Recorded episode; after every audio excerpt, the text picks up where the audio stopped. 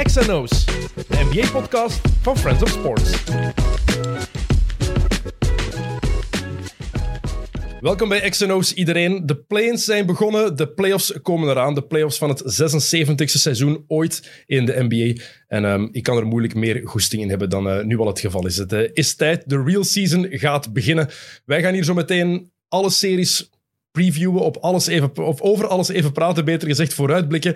Maar voor we daaraan beginnen, wil ik toch Thomas van de Spiegel even beterschap wensen. Uh, zoals jullie misschien al gehoord of gelezen hebben, heeft hij in het ziekenhuis gelegen met uh, bloedklonters en vocht in de longen en met een vergroot hart. Dus Thomas, bij deze heel veel beterschap dat je snel uh, weer de oude bent, maar daar twijfel ik niet aan natuurlijk. Um, gelukkig heeft XNO's genoeg vrienden die even grote NBA-nerds zijn als Thomas en als ik. En mijn gast van vandaag is er daar een van. eindredacteur bij Sporza, bij Play Sports, onder andere televisiemaker en een even grote basketbalfreak als ik. Ex-basketter zelf ook geweest, Leender Terk. Welkom.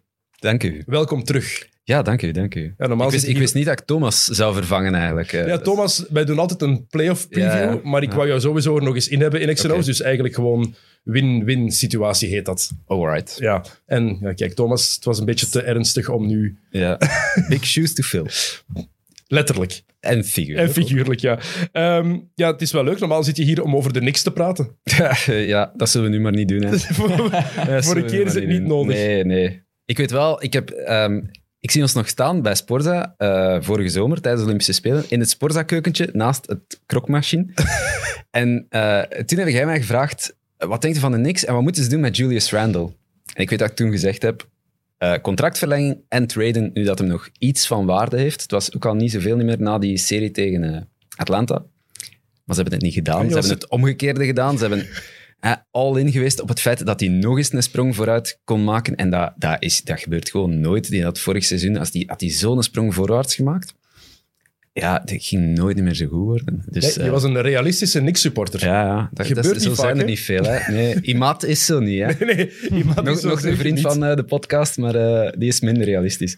Ja, nee, het is, het is ja, gewoon fout, fout beleid. Hè. Het, is, het is niet anders. Het nieuwe management, alles was anders. En dan Ja. krijgen we nu eigenlijk gewoon weer dezelfde shit van vroeger. Ja, ja. Voorlopig. ja had gedacht, ik had ook gedacht dat ze het iets geduldiger gingen aanpakken. En dat leek in die eerste periode wel een beetje zo.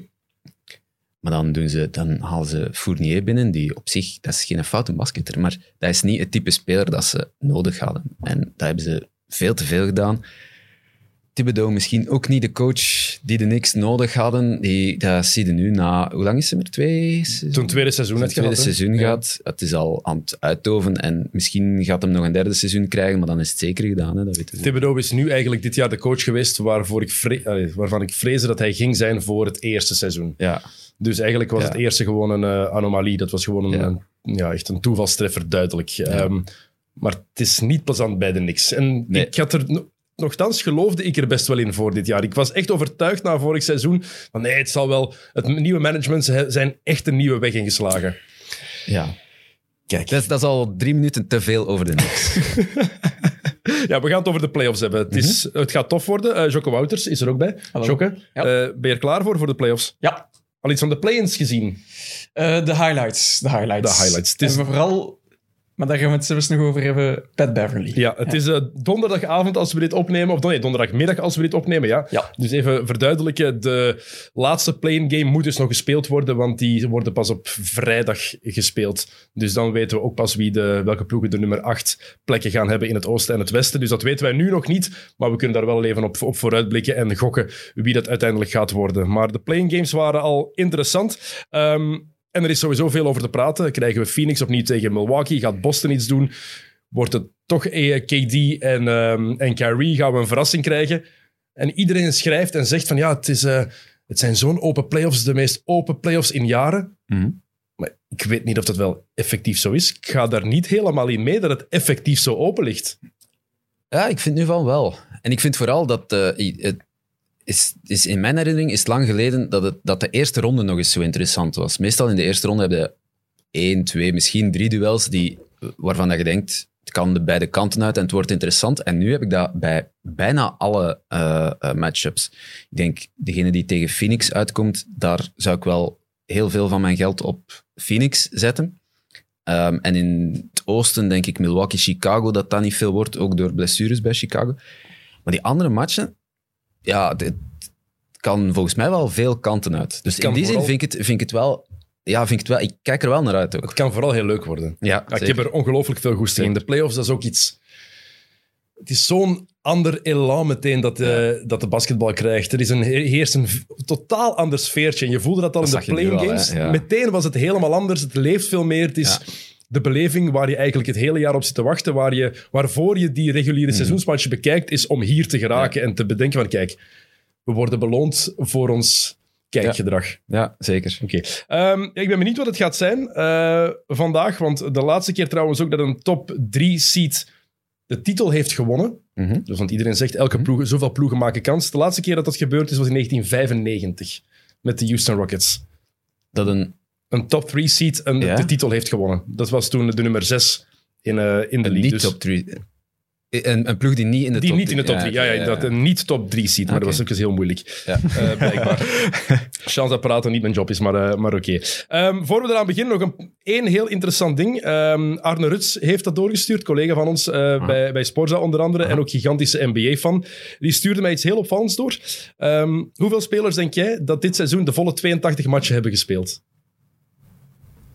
Doe eens een gok. Eh, ik zal een heel wilde gok doen. Geen. Ja, oké. Het, het, is een- het zijn er een paar. Oké. Jokke, gokje? Ehm, ik weet dat Kevin Looney eh, de 82 matchen had gespeeld. Dat is er inderdaad één van. Ik zou zeggen 10 man. Het zijn er vijf. Oef. Oké. Kevon Looney, Mikael Bridges, Dwight Powell, Sadiq Bey en Danny Avdia. Oké. Sorry, maar dat is toch te zielig. Ja. Vijf spelers. Dat is het probleem hè, tegenwoordig. Ja, dat is... Ja. Maar hoe lossen we Load, dat op? load management, hè. Maar hoe lossen we dit op? Is de enige oplossing, zoals zoveel mensen nu al jaren zeggen, gaan naar 72 matchen? Eh, dat weet ik niet. Ik zag wel eh, onlangs een interessant voorstel van iemand die zei de eh, scoring title die zou niet moeten zijn op basis van het gemiddeld aantal punten, maar van het totaal aantal punten. Dan geef je wel ergens nog een incentive om zoveel mogelijk matchen te spelen. Want als je nu je staat op, eh, je staat op 31,5 punten en er zijn er nog 20 matchen te spelen en je, je, je kiest je opponents wat uit om je gemiddelde zo hoog mogelijk te houden, terwijl als je gaat voor het totaal aantal Mhm. punten, dan hebben we nog ergens een incentive om voor te spelen. Dus Maar dat je moet wel wel- geen slecht idee. Je moet wel aan een minimum aantal matchen geraken. LeBron James is geen topscorer bijvoorbeeld. Nee. Dit seizoen heeft Hoeveel, hoeveel moeten er 58 moet je er spelen. Oké. Hij is er niet geraakt. Had het nog kunnen doen, maar blijkbaar was de kritiek ook zo hard geworden op dat hij Ja. misschien zijn, een tegenstander zou kiezen om Ja. topscorer te worden, dat hij beslist heeft om het toch maar niet te doen. Oké, dat is dan ook nog wel verstaan. Maar de vraag is natuurlijk ook, want Adam Silver is daar ook mee bezig Mhm. met een oplossing te zoeken voor het feit dat zoveel spelers matchen missen. Ehm, ik denk dat, stel je voor dat we naar 72 matchen gaan, ja, dan Nee. gaan spelers gewoon nog altijd minder matchen missen. Dan gaat het in proportie hetzelfde blijven, Tuurlijk. denk ik. Ja. En je, ik, als ik heel die discussie altijd hoor, je zult maar eh, als Belgische toerist naar New York gaan voor de match van eh Ja Morant van Memphis, omdat je die geweldig vindt. En dan is dat de match waar dat Ja even... Eh, misschien dat hem in New York niet, geen rust gaat nemen. Maar eender waar, dat, je zult het maar voor hebben, hè, dat, dat, net, dat dat net de speler is dat je wilt zien en die krijgt dan rust. Zelfs als je gewoon de, de, de National Games op ESPN ja, dat was vroeger al met, met Popovic bij San Antonio. Dan liet hij net in die belangrijkste Mhm. matchen liet hij dan eh, de, de drie grote namen rusten.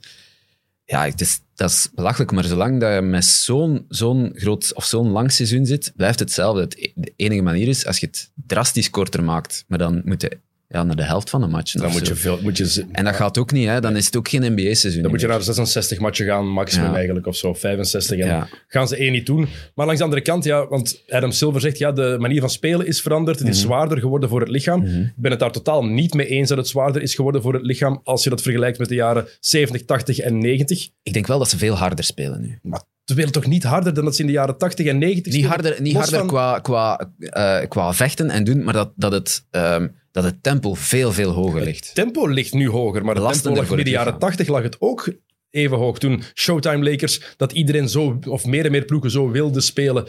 Dat waren de, de, dat waren de tijden dat de, de scores Mhm. ook in de 140 lagen vaak. Dus, en dan was er minder goed materiaal. Dat is zeker. om, om te spelen. was minder goede begeleiding, verzorging. Waar, alles was toen gewoon minder ontwikkeld dan nu. Dus daarom ben ik het daar niet helemaal mee eens. Maar dan had ook geen carrières zoals die van LeBron James, die tot zijn... eh, tot hoe lang gaat hem spelen? 42, Behalve Kareem 43? en eh, Robert Parrish. Kareem, het waren ja. de uitzonderingen. Ja, ja, maar nu zijn er veel meer zo. Hè. Dat Vince Carter heeft gespeeld totdat hij in de 40 was. Eh, Le- LeBron die speelt nu nog op dit niveau. Ja, dat was, in de jaren 80 was dat niet denkbaar geweest. Maar hè. zou het ook zo zijn als hij 82 matchen zou spelen? Dat is de vraag, hè? Een seizoen is nog altijd 82 Ja. matchen. Dat zij niet alles kunnen spelen, snap ik. Mhm. En LeBron heeft ook blessures gehad, uiteraard. Maar dan zei hij in de shop een tijd geleden in zijn, Mhm. in zijn, zijn programma... Ja, wat Jordan ook altijd zei, ik wil dat als er kinderen komen kijken, dat ze mij kunnen zien spelen. Sinds wanneer? Sinds wanneer denkt LeBron zo? Want dat is, als we kijken naar zijn track record, klopt dat totaal niet. Hè? Nee, nee. Ik vond het echt compleet een bullshit. Ja, terwijl dat... Ik kan mij nooit in de schoenen van een eh, NBA-speler plaatsen, maar ik zou ook wel zoiets hebben, denk ik. Als ik een ster zou zijn, als LeBron James, als, als eh, weet ik veel wie, Steph Curry, noem ze maar op, dan zou ik toch ook altijd wel zoiets hebben van, hey, mensen betalen wel een ticketje, vaak veel geld, om mij te zien, dan wil ik hen toch wel iets geven. En Tuurlijk, daarom doe je het voor een deel ook. Hè? ja, en dan, speel je, dan, dan eh, moet je misschien maar load management doen in eh, minuten per wedstrijd, dat je er misschien maar 30 speelt Exact. Maar, maar niet in wedstrijden skippen. En ik weet dat dat waarschijnlijk is dat dan medisch niet zo verstandig en kun je beter af en toe eens een dagje geen doen dan wel iedere dag spelen en 30 minuten spelen. Waarschijnlijk dat dat dan voor je lichaam belastender is. Maar toch zou ik het eerder zo doen, denk ik. Helemaal mee eens. Ehm, de playoffs nu. Ehm, de planes zijn bezig. We weten al wie de twee number 7 seeds gaan zijn. En eigenlijk is dat het enige wat helemaal scheef zit aan het hele play-in systeem. Dus de top seed in elke conference, de beste ploeg die eigenlijk beloond zou moeten worden voor het beste te zijn in het seizoen, die komen vrijdag pas te weten tegen wie ze moeten spelen. En de nummer 2 seeds die weten al sinds dinsdag wie hun tegenstanders gaan zijn. Ja, Dat makes no sense at all. nee, dat is waar. Maar nu denk ik in dit geval dat Boston graag van scenario zou wisselen. Dat die liever niet zouden weten of dat het tegen Atlanta of Cleveland is, dan dat ze nu al weten dat het tegen maar is. Dat, is, Maar het dat is systeem- mogelijk, het maar het systeem, systeem- dat klopt het daar is- gewoon niet in. En Nee. ik denk dat dat wel veranderd kan of mag worden. Je hoort bijvoorbeeld heel veel mensen, eh, of meer en meer zeggen van, kijk, de top, de top seeds, dus de nummer één seeds, die mogen kiezen, Mogen kiezen, tegen wie ze ja. mogen spelen uit de play-in, uit die, t- t- tussen welke ploegen de play-in overleven. Ja, dat vind ik een geweldig voorstel. Ik ook. En ja, dan, omdat je... Ja. hè, Je wordt beloond. Tuurlijk. En ook, het gaat het ook, eh, wa- wat als ze dan, eh, hè, bulletin board material, dat is er direct. Hè. Ze- Ah, we spelen liever tegen jullie. Wat, tegen ons? Ja, voilà. Hè?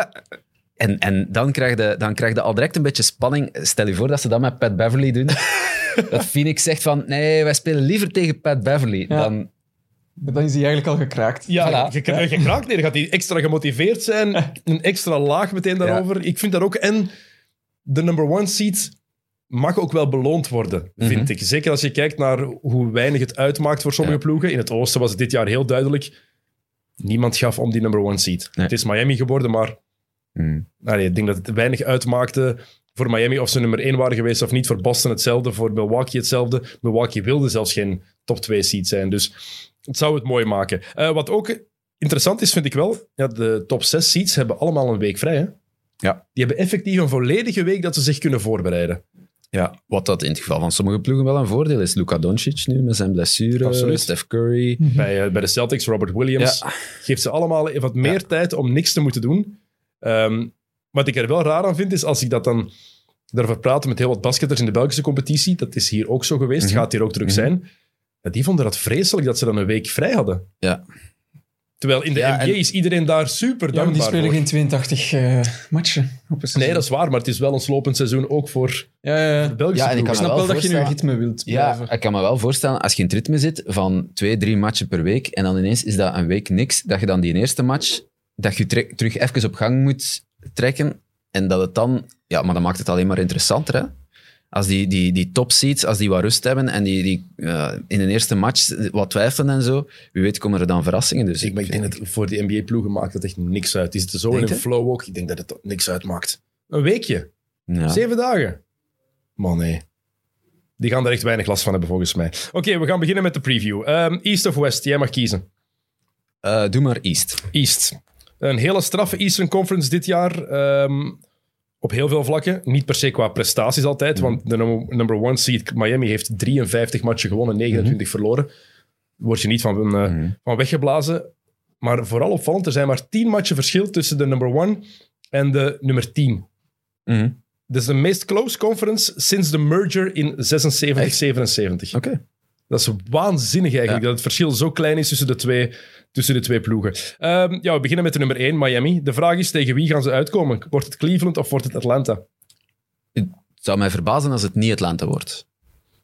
Cleveland heeft last van blessures nog altijd. Ehm, met eh, Allen, de, de, de center die ze kwijt zijn. Hij komt misschien wel terug, blijkbaar. Hij zou mogelijk fit geraken voor de, de Ja. laatste play-in game. Maar ik heb tijdens de match van Atlanta tegen Brooklyn heb ik, ehm, wat beeld gezien dat ze toonden van zijn opwarming. Ja, heb ik ook En gezien. Waar dat hij vooral met zijn linkerhand eh, hoekshots aan het nemen was om zijn rechterhand wat te sparen. En als ik dat zag, dan dacht, dan dacht ik van, laat hem dan maar terugkomen. Zo'n groot verschil gaat het niet. Als hij die schrik al heeft om zonder contact, al niet met zijn sterkste hand eh, te werken, dan denk ik dat hij... Het is, het is vooral een, ja, het is, het is een verdediger. Hè. Als je een gebroken vinger hebt en je moet je hand tussen iemand die gaat dunken en de ring eh, gaan steken, ik weet dat niet. Ik- dus ik, ik denk, als hij, zelfs als hij terugkomt, dat het geen groot verschil maakt. Nee, en Atlanta was wel En- overtuigend genoeg tegen Charlotte ook eh, in de play-in game Ja. van afgelopen nacht. En Atlanta heeft dan nog niet de ploeg, ehm, of heeft een ploeg die, die vooral eh, het verschil kan maken eh, met drie punters. Dus het, het, eh, ja, de impact van Allen gaat sowieso al iets minder zijn. En Evan Mobley is ook nog altijd niet 100%. Zie Nee. je ook als hij Nee, speelt. ik vond hem niet je. goed in, die, Nee. in de play-in game. Hij, eh, hij was veel minder aanwezig gewoon. Ik had gedacht dat hij zich veel meer in het spel ging moeien nog. Mhm. Maar je, dat is sinds hij terug is van Ja, blessure, is hij aan het zoeken om zijn plek weer te vinden in die ploeg. Ik was super enthousiast in het begin van het seizoen over Mobley. Ik vond die fantastisch. Het was ook heel tof om naar eh, Cleveland te kijken. Maar dan inderdaad, sinds zijn blessure is hij, is hij een stukje passiever. Heeft hij niet de, de impact die hij in het begin wel had. Dus ik denk, en ook Atlanta, die, als die goed zijn, zijn die, kunnen, die ook echt, kunnen die ook echt goed zijn. En dan denk ik dat, ik zie ze niet direct winnen tegen Miami, maar die gaan wel een paar matchjes afpakken. En het kan misschien wel, eh, het kan wel een toffe serie worden. Ja, Miami-Cleveland gaat redelijk gemakkelijk worden, denk Ja, ik, voor. Miami dan. Ja, ja. Tegen, tegen Atlanta. Als Atlanta ineens die knop kan omdraaien, want Dat is het, hè. Atlanta is een van de grootste teleurstellingen van dit seizoen. Mhm. Eh, dat is eigenlijk, die hebben zich voor een heel groot deel van het seizoen gedragen alsof ze al vier titels op rij hebben gewonnen. En pff, ze te vermoeid zijn. Ze hebben uiteindelijk alleen maar de Knicks uitgeschakeld. Hè. En moeten niet te hoog van een toren blazen. Philadelphia ook. hè? Philadelphia Ze ook. hebben de Sixers waar, dat uitgeschakeld. waar, dat is en ze hebben ervoor gezorgd dat Ben Simmons nooit meer in Philly wil, wil spelen. Ja, ook wel goed. ook hun verdienst Ja. natuurlijk. Maar ze hebben niks bereikt, hè? Nee. nee, maar nee, ze gedragen zich zo wel. Mhm. Of gedroegen zich zo. Ja, wel, gedroegen vooral. Want ik vind dat nu de, de einde van het seizoen, maar vooral die playoff eh, of die play-in game van voorbij nacht. Afgelopen nacht, ja. Ehm, ja, daar vond ik ze wel, eh, vond ik ze wel goed in. Ah, wel, en dat is zo'n ploeg volgens mij die effectief die knop kan omdraaien en zeggen van, ah, nu is het belangrijk. Allee, dan zullen we nu ons best beginnen doen. Ja, en ik ben ook wel ik ben een groot fan van Bogdanovic. Ik vind dat super esthetisch een hele mooie speler. Ja. Heeft een geweldig shot. En die kan, als die eh, een paar fases ook eh, voorbij nacht, als die hot is, dan ja, dat is echt heel tof om naar te kijken. En ze hebben Hurter en, en ja, Trey Young sowieso.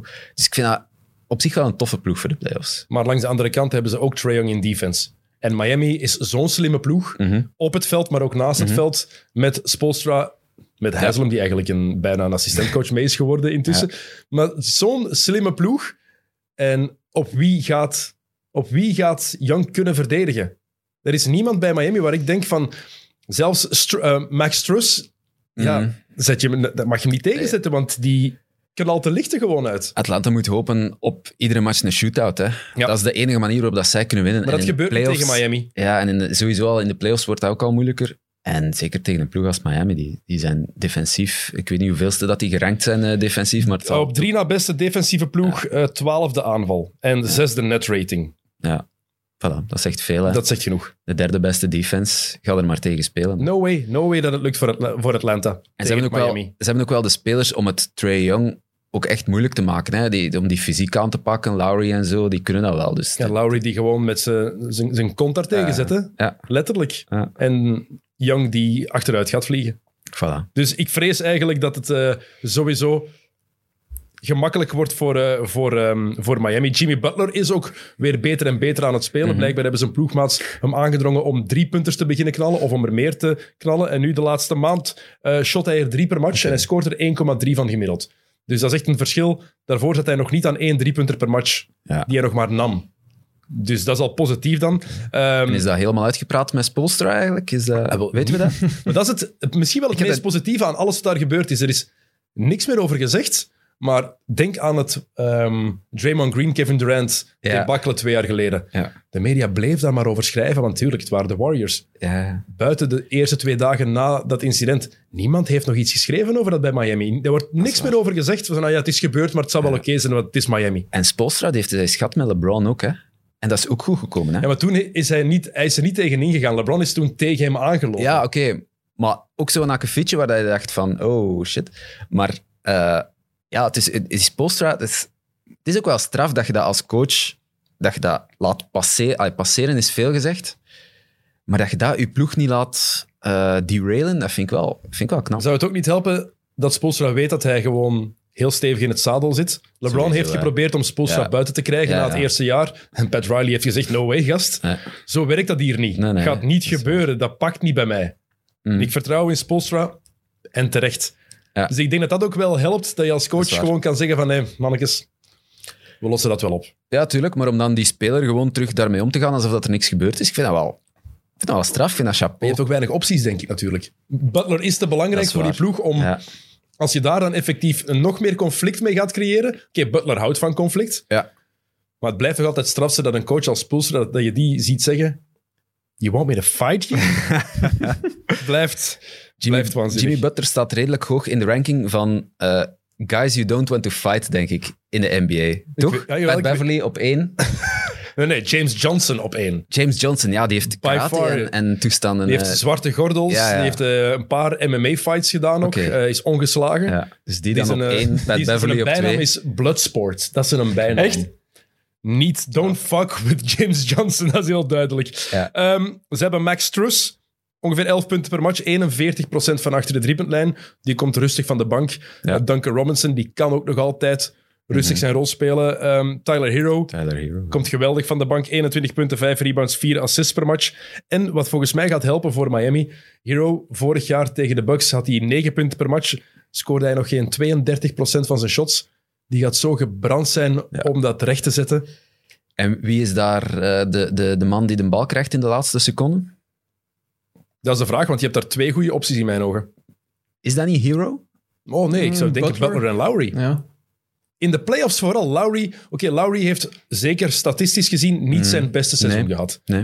Maar het is een blijf wel Lowry. En Ja. heeft die titelervaring. Dus ik denk dat het... En dat is het mooie net aan Miami. Volgens mij is er niet één iemand. Hangt er ook vanaf hoe de match is gegaan. Bij Philadelphia destijds, toen Butler daar Mhm. Ja, zat, ja. was het altijd... Ja, de bal gaat naar Jimmy Butler. Ik denk nu dat het veel meer uitmaakt hoe de match aan het gaan is, hoe de flow in de wedstrijd is. In de playoffs natuurlijk. hè. Mhm. Ja. Dus ik denk dat dat daar weinig uitmaakt.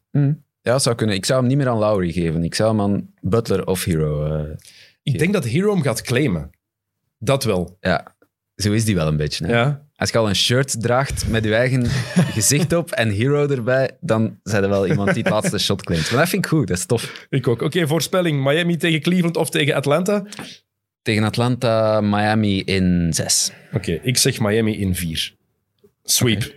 Gewoon kletsen geven en dag, dag Atlanta, denk ik. En tegen Cleveland denk ik ook in vier. Ja. Oké, nummer twee, de Boston Celtics. Ehm, de interessantste serie in het oosten, in de eerste ronde. Ehm 51 en 31, geëindigd tegen Brooklyn 44 en 38, want die playing game die bestaat, die is geweest, maar die bestaat niet. Dat vind ik heel straf. Dat, en dat werd niet. ook een paar keer benadrukt in de, in de uitzending door de commentatoren.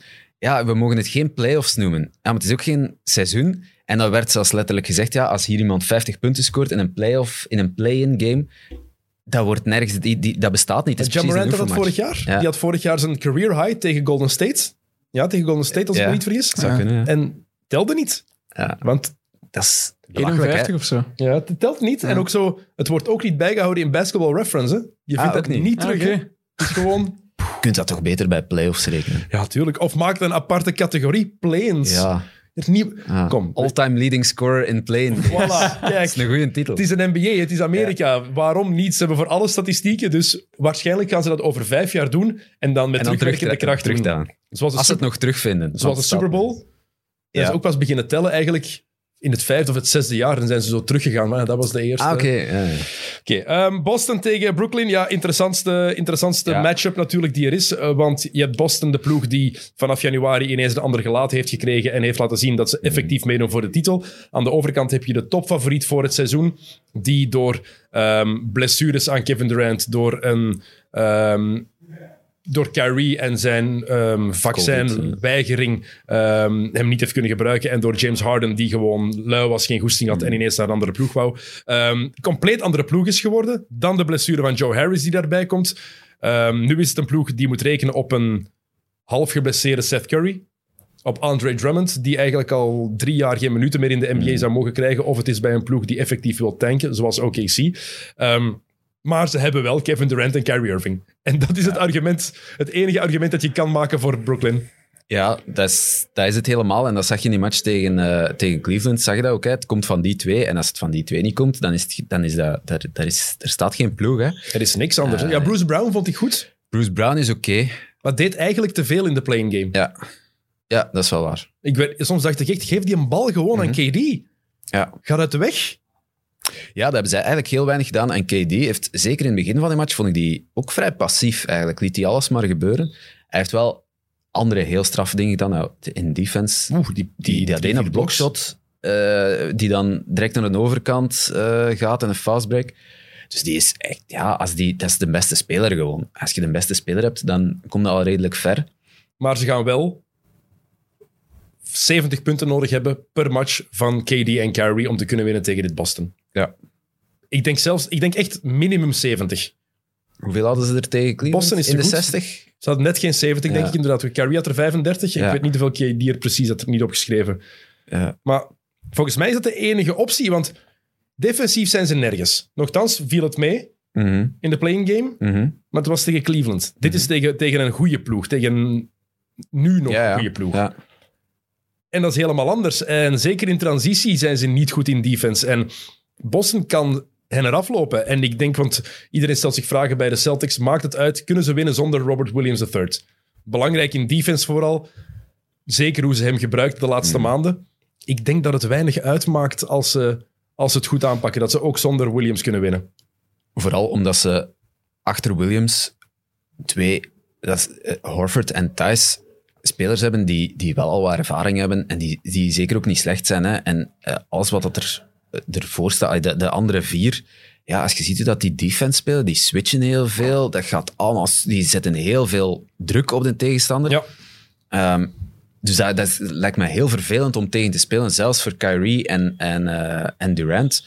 Als je daar zeven matchen moet tegen spelen, dan, dan zijn je kapot, denk ik. Dus, en als je dan geen hulp hebt van niemand anders, van een halve set Curry die op ene voet aan het spelen is, eh, Bruce Brown, ja, oké, was, Kessler, Edwards. die was goed. Ja, en dan Claxton, pff, dat, Ja, Blake Ja. Griffin gaat niet van de bank komen. Nee. Die gaat niks meer krijgen. nee, Dat dus is helemaal gedaan. Ik denk vier matchen. Oké, als het een serie in vijf geweest was, dan zoals in de jaren negentig, dan kon je misschien nog zeggen van verrassing. Maar nu, als het in zeven is, dan zie ik ze niet, niet, het niet halen Ik tegen Boston. Langs de andere kant, het is wel, ik zou er, ehm, ja, ik zou er ook niet van verschieten als het ineens wel is. Maar dat is het, mooie, Dat is het, dat is het mooie aan deze die serie. ploeg, hè? En dat is het mooie aan deze serie, dat het ineens inderdaad kan switchen. Want we zeggen nu wel, eh, defense is niet goed genoeg, dit en dat, maar ze hebben KD en Kyrie en Ja. dan kan het gewoon alle kanten uit. Als die effectief ineens gewoon ontploffen, En in close games, ik zag ergens een statistiek, Boston heel slecht in close games. En zelfs zonder de statistiek, als Boston close games is en Marcus Smart staat op het veld en die krijgt een bal, dan is het toch altijd hard vasthouden van nee, Marcus, nee, Niet shotten. doen, niet shotten, die geeft hem aan Tatum. Dus de- als het close games zijn, dan denk ik wel, ja, dan, als daar dan KD staat en Kyrie, ja, dan... eh, ik denk dat Boston... Boston moet het gewoon... Moet ze, moet ze van, vanaf match 1, van minuut 1, gewoon proberen afmaken. Een een heel fysieke serie van maken. Heel veel druk, heel veel snelheid. En dan... gaan ze het volgens mij halen. Maar, Maar wat doe je dan? Laat je KD en Kyrie hun punten scoren? Of is er effectief één iemand die er probeert uit te houden? Want Smart gaat, gaat Kyrie krijgen. ja, Dat weten we. ja. Dat is standaard. Mhm. Wie zet je op KD? Wie zet je op Durant? Tatum niet. Nee, Tatum niet, Brown dan zeker. Dat is Brown de enige optie, denk ik. Ja, Lijkt mij. ja. Ik zou die wel één... Ik zou die gewoon wel... ah, Ik zou die niet gaan dubbelteamen. Of ik zou dan wel gewoon erop vertrouwen dat Smart tegenover Kyrie en beperk hem zoveel mogelijk. En hij gaat twee, drie matchen hebben dat hij er 35 scoort. Eh, hopelijk dan geen drie matchen, dat zou al veel zijn. En hetzelfde een beetje met, met Brown tegen KD.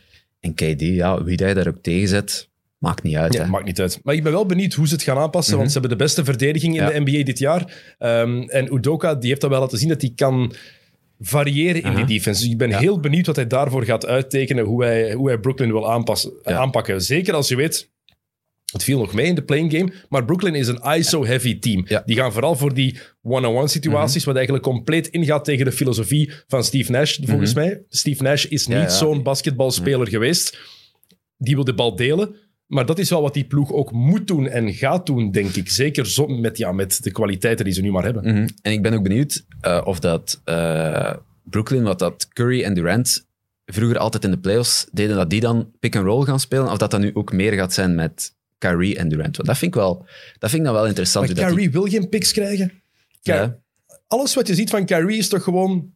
Ga uit de weg, laat mij me met mijn balhandling ruimte creëren. En het is waanzinnig Ja, om te zien, hè? is- ja, het is het strafste om te zien qua balhandling. Alleen tegen Marcus Smart net iets moeilijker. Het is, maar dat is wel een extra leuk cachet eigenlijk aan, aan die serie. Hè? Kyrie Mhm. terug in Boston. Ja, ook al. Na de pijnlijke manier waarop hij daar is weggegaan, Ja. nadat hij eh, op de kabouter was gaan, gaan stappen. ja, dat speelt nog altijd mee. Ja. Die gaat...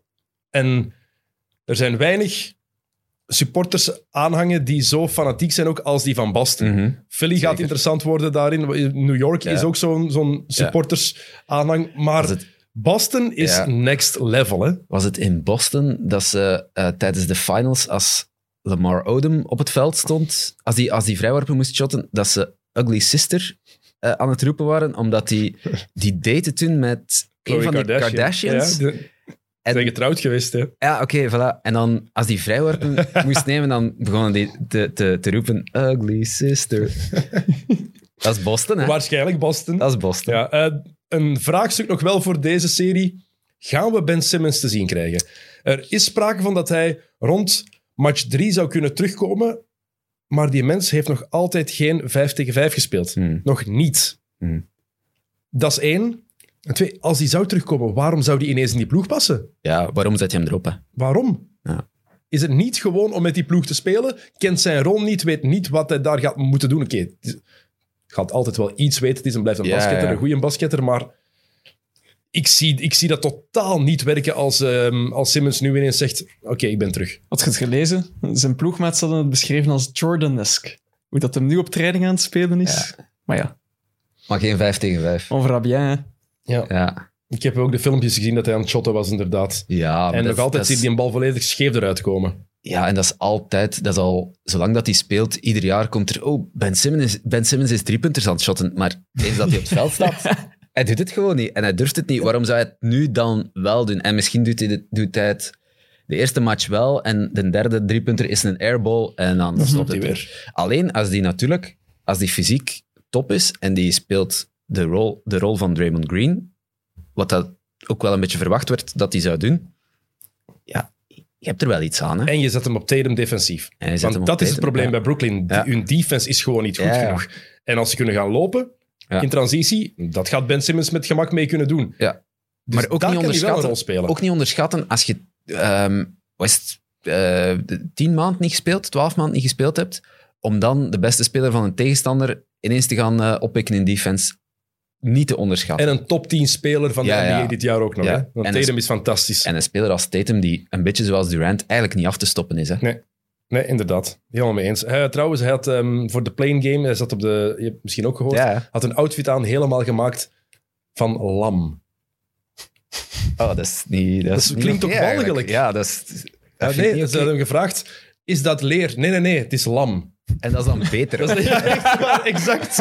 Ah, oké. Als dat je ja, verdediging is is. Exact. Echt zo een groene outfit en blijkbaar Ja, volledig ik, gemaakt het uit... zag er. Ik dacht, als je begon aan het verhaal, dat het iets zou zijn van eh, eh, gemaakt uit plastic uit de zee. En dan zou ik denken van, good for you, Ben Simmons. Lam. Lam, nee.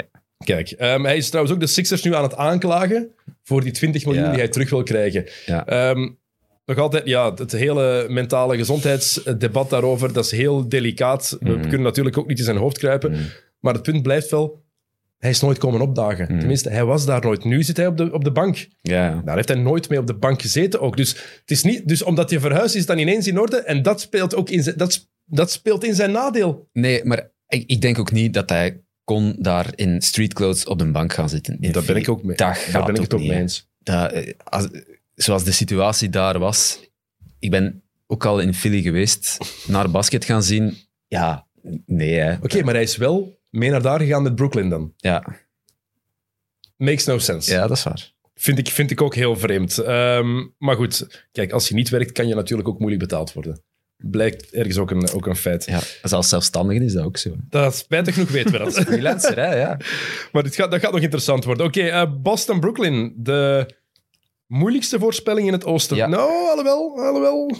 Maar een van de moeilijkste voorspellingen. Wat denk je? Zeg maar. Eh, dan toch Boston in zeven. Ik heb ook Boston in 7. Ja. Oké. Ik- gewoon KD Ik gewoon, hoop er hè. ook wel op. Ja, ik ook. Het is gewoon puur KD en Kyrie Irving. Ja. Ik, ver- ik vertrouw het niet. Als, Boston, als ik een Boston-fan zou zijn, zou ik het niet vertrouwen. Ja, ze, ze waren vorig jaar, het shot van KD tegen, het, het was drie centimeter of zo, hè, en, en, en ze waren er hè, tegen, eh, het is- tegen Milwaukee. Je kunt daar niet, ja... Misschien kan Blake Griffin, wat is MJ's eh, Secrets, Een secret potion secret van een potion eh, van, Space Jam. van een Space Ja, Jam. ja. Misschien vindt hij dat en kan hij ineens terug. Blijf ik trouwens ook een heel bizar gegeven vinden hoe hard Blake Griffin van een, van een berg is gevallen gewoon. Ineens in de ravijn. Het is weer, bij bij Ja. Detroit was het zo, hadden we die heropleving vorig jaar en nu is het compleet gedaan. Dat vind ik vooral het straffe. Het was, het was gedaan, het was eigenlijk gedaan met Blake Griffin. En dan komt hij terug bij Brooklyn en dan denk je van, wow, het is nog niet gedaan. En ja, vijf maanden later is Ja, het toch. echt helemaal gedaan.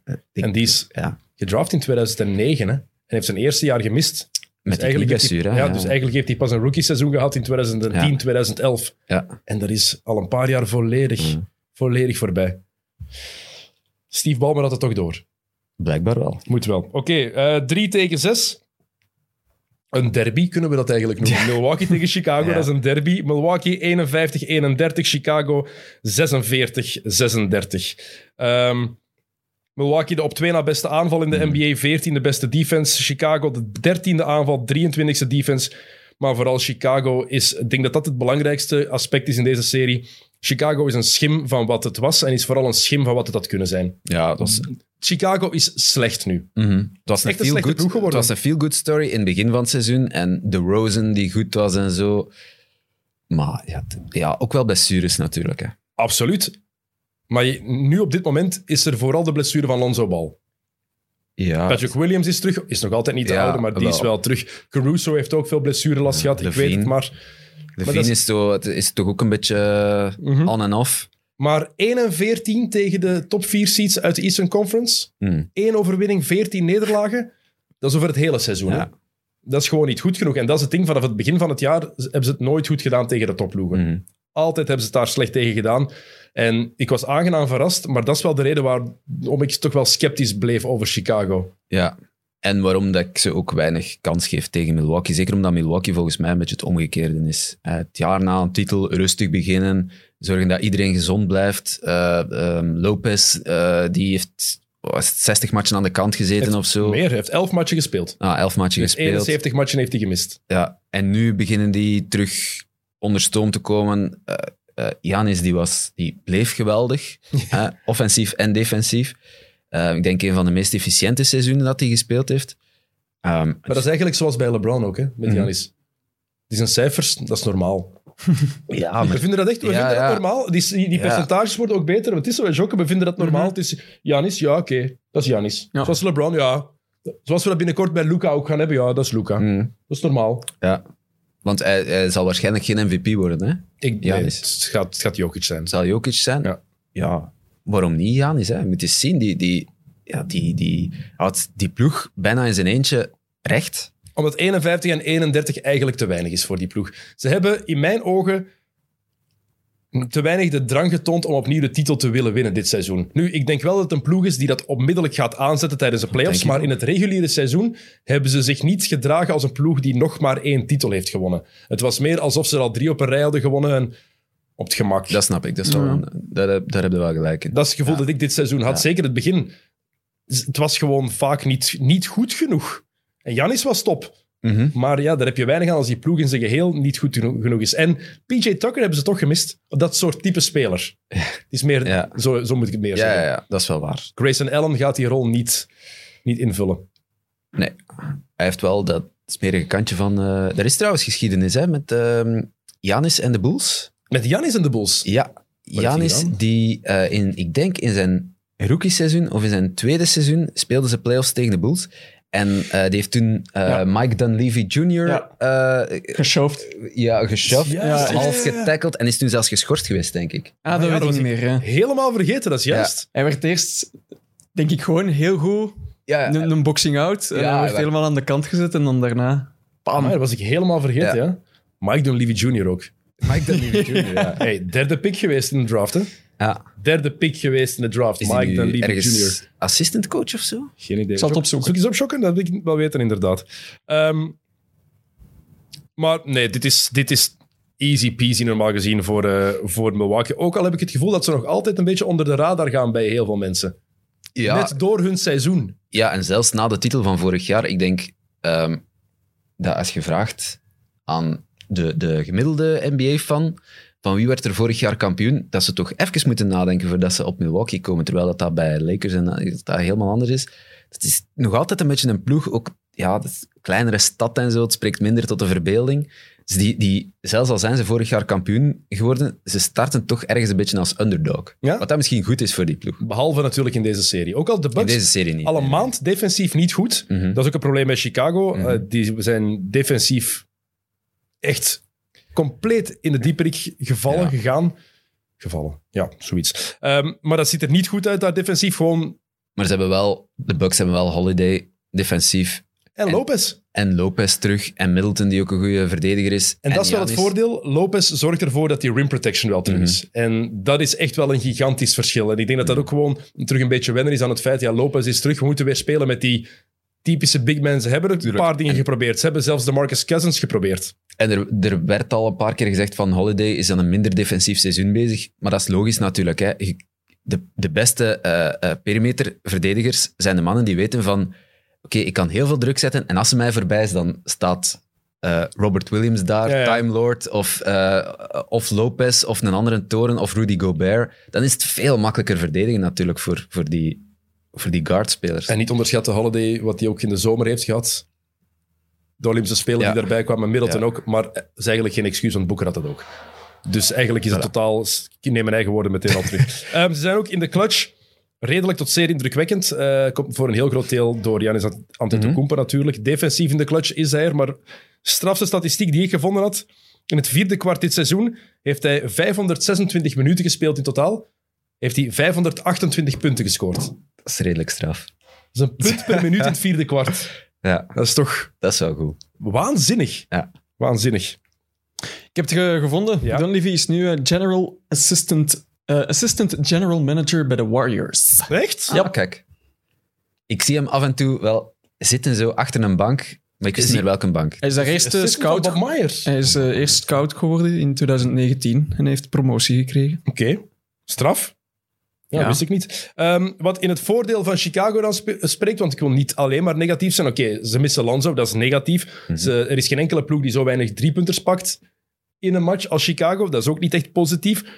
Maar ze hebben wel de DeMar DeRozan. En DeRozan heeft een geweldig seizoen gespeeld. Het is de laatste maanden iets verminderd. Maar in de clutch, als het close is, Mhm. dan gaan Ja, ze ja. volgens mij heel veel vertrouwen hebben in het feit dat ze DeRozan hebben. Ja, dat is waar. En terecht ook, hè, wat wat hij dit seizoen gedaan heeft. Hij heeft een paar matchen gehad dat hij het op zijn eentje Oh. beslist. Hij heeft dat, heeft dat eigenlijk altijd wel een beetje gehad, bij Toronto ook al wel. Eh, maar nu wat dat hij dit seizoen Nu een paar keer gedaan er heeft... droop ook veel meer zelfvertrouwen ja. af hè, bij hem. ja, Nu, de vraag is, gaat het close zijn in een match? Ik vrees er een beetje voor. Ik vrees er ook voor. Eh Vucevic in de, in, de, in de paint, daar ga je het niet mee doen. Levine zijn eerste playoffs ooit. Ja, dat is ook wel iemand natuurlijk die, die kan twee matchen echt geweldig ontploffen. Levine. En dan in die matchen maakt hij dan misschien kans. Als je erbij blijft tot halverwege het vierde kwart, ja, dan, dan ja, altijd kans. Zeker met de Rosen. Ja, dat is wel iemand die, die iedereen aan de kant en laat mij maar eh, eh, nog eens reverse en nog eens opposten en, en dan een fadeaway. En daar is hij wel geweldig goed in. Alleen, ze kunnen het nooit vier matchen close genoeg houden om daar te komen. Milwaukee is ook gewoon te goed. Mhm. Oké, voorspelling? Milwaukee in vijf. Ik heb hetzelfde, Bucks in vijf. Alright, laatste matchup in het oosten. En dit vind ik eigenlijk de moeilijkste om te voorspellen. Philadelphia tegen Toronto. Philadelphia nummer 4, 51, 31. Toronto nummer 5, 48 overwinningen, 34 nederlagen. Ehm, op papier zou je meteen zeggen, ja, tuurlijk, Philadelphia hebben Embiid en Harden. Maar alles in de playoffs draait om matchups. En dit is de minst ideaal, ideale matchup die er eigenlijk is voor, eh, voor Philadelphia. Eh, pas nog tegen verloren. Drie van de vier matchen dit seizoen eh, verloren tegen, tegen Toronto. En de Raptors hebben Nick Nurse. Dat is Ja. zo'n ongelofelijke X-factor. Dat is zo'n belangrijk aspect aan die ploeg. Die Nee. gaat met De Sixers hebben Doc Rivers. dat ook nog. dat ook nog. Een 3-1 voorsprong is nooit veilig. Komt er ook bij. Geen enkele coach heeft een 3-1 voorsprong zoveel weggegeven. Maar ik denk dat ze bij Philadelphia terecht heel ongerust gaan mogen zijn voor die dingen. En natuurlijk hebben ze ook nog de grootste playoff choker van de laatste 40 jaar in de ploeg. is toch waar? Ja, maar die het nu wel niet moet doen in de clutch. Hmm. Niet akkoord? Ik, sna- ik, Het- ik, snap het, ik snap dat je het zo ziet, want hij is niet de beste speler. Maar het wordt Als wel het- van hem verwacht. Dat Als denk je- ik ook. Als je met 20 seconden te spelen één puntje achter staat als Philadelphia, toch altijd de bal naar Embiid. Zou je, moeten, zou je zeker moeten doen. Ja. Maar het gaat niet per se altijd lukken om die bal naar een beat te krijgen. Ja, oké. dat, dat, Nick Nurse. ja, oké. Dat weten, maar het moet wel, dat moet wel de intentie zijn. En als natuurlijk, als je Embiid wegpakt, één tegen één heeft Toronto ook niet de mannen die... ah, wie is, Siakam speelt daar vaak op center, hè? Of Boucher, of wie Nou, kan er nog tegen staan? dat is het, dat is Eén het tegen één, Maar dat is het detail dat in het, in het voordeel, of het argument in het voordeel van Philadelphia. Niemand kan Embiid stoppen. Eh, Wel, dus één tegen één kunnen die nooit stoppen. Dus als je dan zegt van we gaan eh, in de laatste 20 seconden of de laatste, de laatste minuten gaan een bal uit de handen van Embiid, ja, dan staat er al wel met heel, dan staat er iemand heel wide open. Dus dat is dan wel weer iets dat in het voordeel van, van Philly spreekt, vind ik. Dat is waar. Maar ik vraag En- me nog altijd af wat we te zien gaan krijgen ook. Want ehm, ik ben niet overtuigd genoeg geweest van wat ik van Philly heb gezien met Embiid en Harden de laatste maand, weken. De eerste Mhm. week, anderhalve week, waren Dat echt ja. indrukwekkend. En dan had Harden er weer geen goesting meer in. Ik weet niet wat het was. Ik vind dat, een ik vind dat echt een schandaal, die mens. Ik, kan daar, ik vind dat echt onaanvaarbaar wat voor soort speler die is geworden. En heb ik het niet Mhm. alleen over wat hij laat zien op het veld, is vooral de mentaliteit ook staat daar tegen zijn goesting te vaak. En Embiid speelt een historisch seizoen als... Als wat Janis en Jokic niet zo goed waren geweest dit jaar, was hij by far de topfavoriet geweest voor de MVP-titel. Dit jaar gaat hij het waarschijnlijk net niet halen. En nee, Joel Embiid, dat is niet omdat de media je niet graag hebben. Dat is gewoon omdat er net toevallig gewoon... Ja, het is gewoon een uniek MVP-seizoen. Mhm. Ja. Daarom is dat. Maar dat Harden niet beseft wat voor een unieke kans hij heeft dit jaar. En hij lijkt het, volgens, hij lijkt het in mijn ogen niet te beseffen. Of er moet effectief fysiek ergens een probleempje zijn en hij kan bepaalde dingen niet meer. Want wat opvalt, Harden geraakt zijn man niet meer voorbij. Nee. Hij geraakt zijn man niet meer voorbij. Nee, en dat is waar dat die, die, die stepbacks van in, van in Houston, die kwamen er ook maar omdat hij net, ja, niemand kon hem één tegen één stoppen. Hè. Dus als dat weg is, ik denk ook wel dat het zoiets moet zijn, toch? Maar die, gaat die hamstring nog altijd voor zoveel problemen zorgen? Meer dan een jaar? Ik denk ook dat wat, wat LeBron James is, ehm, ieder jaar een, een miljoen dollar aan zijn eh, fysiek geven en ervoor leven. En dat dat het, eh, het tegenovergestelde, het compleet tegenovergestelde is van James Harden. Dat hoor je toch? James Harden is de man van de stripclubs en Absoluut. de feestjes. En, dus ja, het zou, hoe, hoe oud is Harden? Die is toch ook al begin de derde? 32 of zo? Ja, het zou niet gedraft, in, is gedraft in 2009 nog. ja, het zou niet helemaal onlogisch zijn dat hij na 13 seizoenen misschien dat stapje kwijt is. Met die levensstijl. Het is eigenlijk... Met die levensstijl, bij ja. Allen Iverson was het ook zo. Ineens was het gedaan, hè? Ja, wel, ja. Omdat hij er ook niet meer voor leefde. 32. 32. Hard, eh, Iverson Ik- was top. En ineens, het jaar daarna, wie, Ja, ja. wie is dat geworden? Ja. Waarom kan die zijn man niet meer voorbij? Waarom gaan die percentages was- nog meer naar beneden? Het was ook rond die leeftijd, denk ik, bij Iverson. Misschien iets ouder, 3, 3 34, dat hij... Het jaar dat hij... Dat Het goede leven, hè? Ja. ja. Ja. dat is mijn all-time favorite Iverson. Dus het doet nog altijd pijn om, eh, om daaraan te denken. Maar het was inderdaad, het was, het was ineens weg. Daarom. En af en toe, in een klein flitsje, kwam het nog eens terug. Maar dat heb je bij Harden ook, hè? Ja. Soms zie je ineens Ja, van, ah, dat is de James Harden die we hier verwacht hadden. Ik denk alleen dat. Daryl Morey op meer gerekend had toen hij, toen hij Harden binnenhaalde. Niet deze Harden. Nee, dat is waar. Ik, ja, en ik denk dat die misschien ook wel denken van, we kennen hem, hij zal zich hier goed voelen en hij zal hier wel terug wat meer beginnen leven voor, voor zijn sport. Maar eens dat die levensstijl erin zit, op je 32e, Ja, en ook gewoon, we moeten er geen excuses meer voor maken. Hè. James Harden in de playoffs is elk jaar falen. Mhm. We kunnen letterlijk door elke serie gaan van elk jaar. En het is begonnen in de finals in 2012. In de conference finals was hij fantastisch tegen San Antonio toen. En dat is de laatste serie waar hij indrukwekkend is geweest. En dan gaan mensen zeggen van ja, maar in die serie had hij gemiddeld 30 punten. Ja, kijk waar en wanneer hij die punten scoorde. Als het niet meer uitmaakte. Of dan is zo in match 4, als het al 3-0 stond in de serie, dat ze dan toch nog zo één match gekregen als, als troost, als oplapmiddel eigenlijk. Ja, en hij heeft vooral toch de grootste tik gekregen in die serie met Houston tegen de Clippers. Als ze terugkomen zonder hem, eh, met, met eh, Smith die daar drie punten Corey begint Brewer. knallen, Corey Brewer. En hij moet aan de kant zitten en ze, ze draaien dan nog om. Ja, op het moment dat hij er niet meer op staat, dat, dat moet ook verschrikkelijk zijn hè? als sterspeler dat je dat meemaakt. Maar dat, ja, maar dat zou net je, En, en je de- trots moeten ja, krenken, oké. je eer moeten krenken. Ja, en de ene gaat daarmee om als in, dit gaat mij nooit meer overkomen. Ik ga harder werken dan al de rest. En een andere denkt van, feestje morgen. Hè? Ja. Hij, heeft, hij heeft een kans gehad in 2018. Ja. En toen hebben ze in game 7 0 op 27 geschot. ja. Oké, Chris Paul was geblesseerd, maar dat was eigenlijk het moment voor Harden om het helemaal op te eisen. Ja. En 0 op 27. Ehm, het wordt interessant hoe ze dat gaan doen. Ehm, Ik vind wel, Toronto, ik vind dat heel straf. En toch nooit verwacht. nee, 48 matchen gewonnen. ja, en de manier waarop ook het, het basket dat ze spelen, het is, het is ook echt tof om naar te kijken, vind ik. Ehm, en, en ja, wie, wie zijn... Er spelen geen sterren, hè? Fred Van Vliet, ja, oké. Maar wat wel in hun nadeel kan, kan spelen, is dat ze eigenlijk al het hele seizoen play een playoff rotatie hebben. Mhm. Heel het seizoen mm, zijn vijf spelers die in de top 30 staan Ja. van minuten per match. Ja. En Siakam en Van Vliet staan helemaal bovenaan. Mhm. Dus elke ploeg weet ook wat ze mogen verwachten als ze tegen Toronto Ja. spelen, want ze hebben de playoff rotatie eigenlijk al het hele jaar gezien. Bij Philadelphia gaat het iets anders zijn nu. Maar dat kan wel een, dat kan wel een grote rol spelen, denk ik. Ja, dat is waar. Daartegenover staat dat Philadelphia hun rotatie ook al een beetje aangepast moet worden, want Tybal die mag niet meedoen Ja. in, eh in heeft zich laten vaccineren, maar heeft maar één shot gekregen. Ja. En daarom mag hij Canada niet binnen. Ja, dat is wel... Dat maakt een verschil natuurlijk, hè. Natuurlijk, want dat is de beste perimeterverdediger die ze hebben. Ja. En je kunt denken, ja, Danny Green loopt er ook nog rond, maar de Danny Green van nu is niet meer de Danny Green van twee jaar geleden. Deze zou een kwartiertje, 20 minuten max Mhm. mogen krijgen. Mhm. Dus ik denk, dat, dat gaat, ze gaan, ik zie ze in Toronto effectief drie matchen verliezen, hoor. Ja.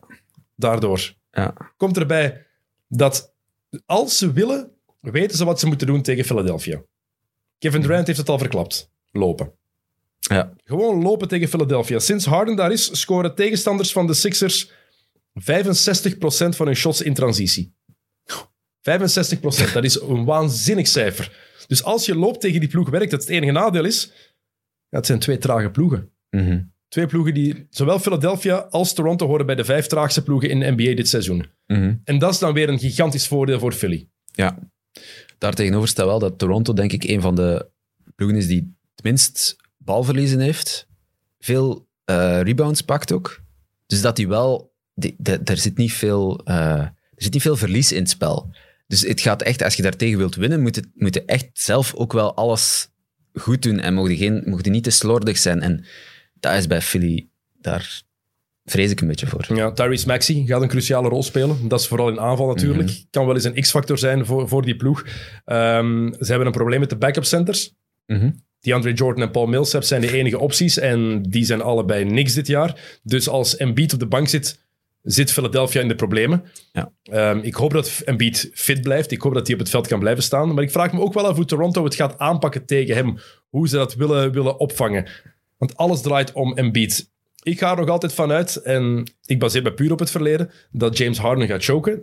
Dat we daar niet echt op moeten rekenen als de go-to guy. Mhm. Het enige voordeel is, zoals jij daarnet zei, hij heeft nu wel Joel Embiid. Ja, dat is waar. En Embiid, Siakam, dat is toch ook eh, altijd een, eh, een leuk duelletje, hè? Die zijn niet altijd fan van elkaar. Dat zijn niet eens geen goede vrienden, Nee. Ehm, Embiid trouwens, eh, topscorer geworden dit jaar. Hij wel. Eerste center die 30 punten per match scoort sinds Moses Malone in 1982.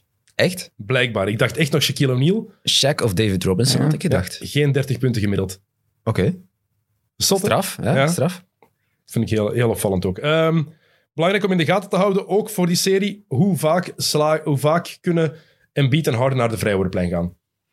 Dat gaat heel veel bepalen voor, eh, voor die serie. Ehm, en mensen die Toronto niet vaak hebben zien spelen, maar nu wel gaan kijken naar de playoffs, let op Scotty Barnes. Ja.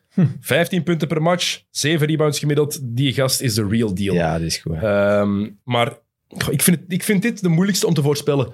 Vooral Toronto wint van goede ploegen. Al het hele jaar winnen die matchen. Dat is het tegenovergestelde van Chicago. Toronto wint van goede teams. Dus ja. ja ik, weet niet wat, ik moet- ik weet echt niet wat ik moet zeggen. Ik heb hier twee opties staan, want ik weet niet wat ik ga kiezen. Toronto in zes. Ja, zeg je dat? Oh, dat is mooi. Ik zeg nog altijd Philly in 7, gewoon Embiid. Joel Embiid, het is zijn afspraak met de geschiedenis, om het zo te zeggen. Ja. Embiid moet presteren. Dus ik zeg Philly in 7. Maar Alright. Toronto in 6 zou wel heel cool zijn. Het zou mooi zijn. zou heel cool zijn. En dan moeten ze daarna tegen eh, Miami.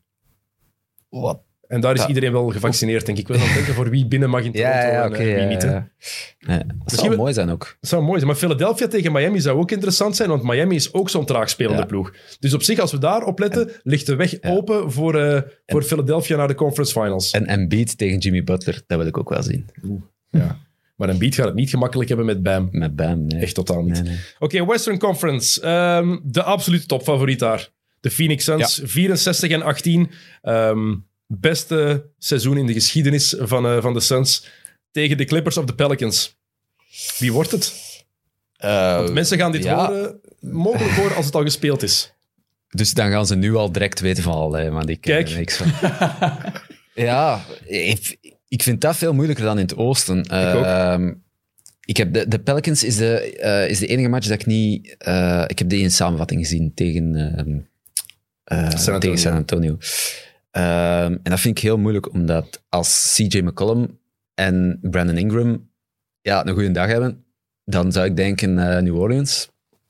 Als CJ McCollum geen goede dag heeft, dan denk ik de Clippers. Alhoewel dat ik de Clippers... Ik, ik voel dat niet. De Nee, maar de Clippers hadden, hebben het eigenlijk uit handen gegeven tegen Minnesota. Ja. Ze hadden, Ja, die, match, ze hadden die match in handen. Ja. Ze, ze halen Towns volledig uit de wedstrijd. Die speelt daar een, een draak van een wedstrijd. Ja. Maar toch geven ze het weer uit handen. Ja, de, Clippers is... Ja, Paul George is zo... Ik, ik vind die...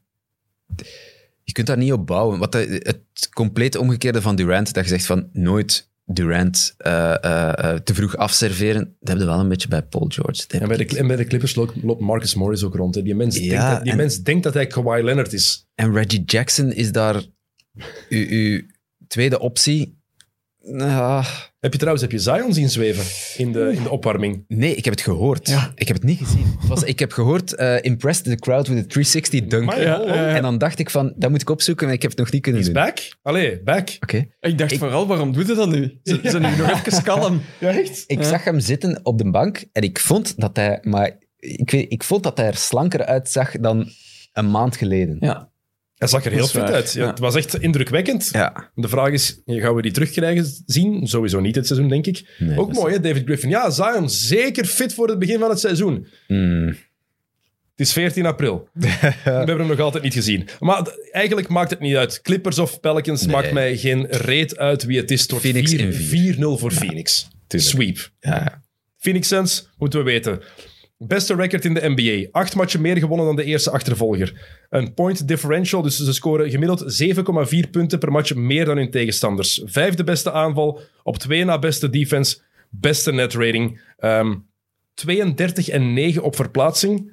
Dat is een beter winstpercentage dan het totale winstpercentage van welke andere ploeg dan ook dit seizoen. Dat zegt eigenlijk al alles. En nu, het zijn de playoffs. Alles gaat een beetje vertragen. Dat hoort erbij. Welke ploeg gaat dat niet erg vinden dat het wat vertraagt? Tuurlijk. De ploeg met Chris Paul en Devin. Booker. Ja. Alles spreekt in het voordeel Ja. van, van Phoenix. Die zegt, nog eens als het gaat over een afspraak met de geschiedenis, dan kijk ik helemaal naar, naar, naar de Suns. Dit moet hun jaar zijn. Mhm. En ik heb het niet alleen over die eerste ronde, gewoon... Ja, ja.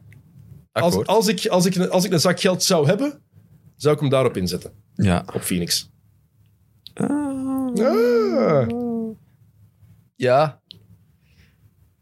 Ik snap het. En ik vond het... Het was in, in het seizoen was het was echt het was een machine. Het was ongelooflijk straf hoe, dat ze, hoe dominant dat ze waren.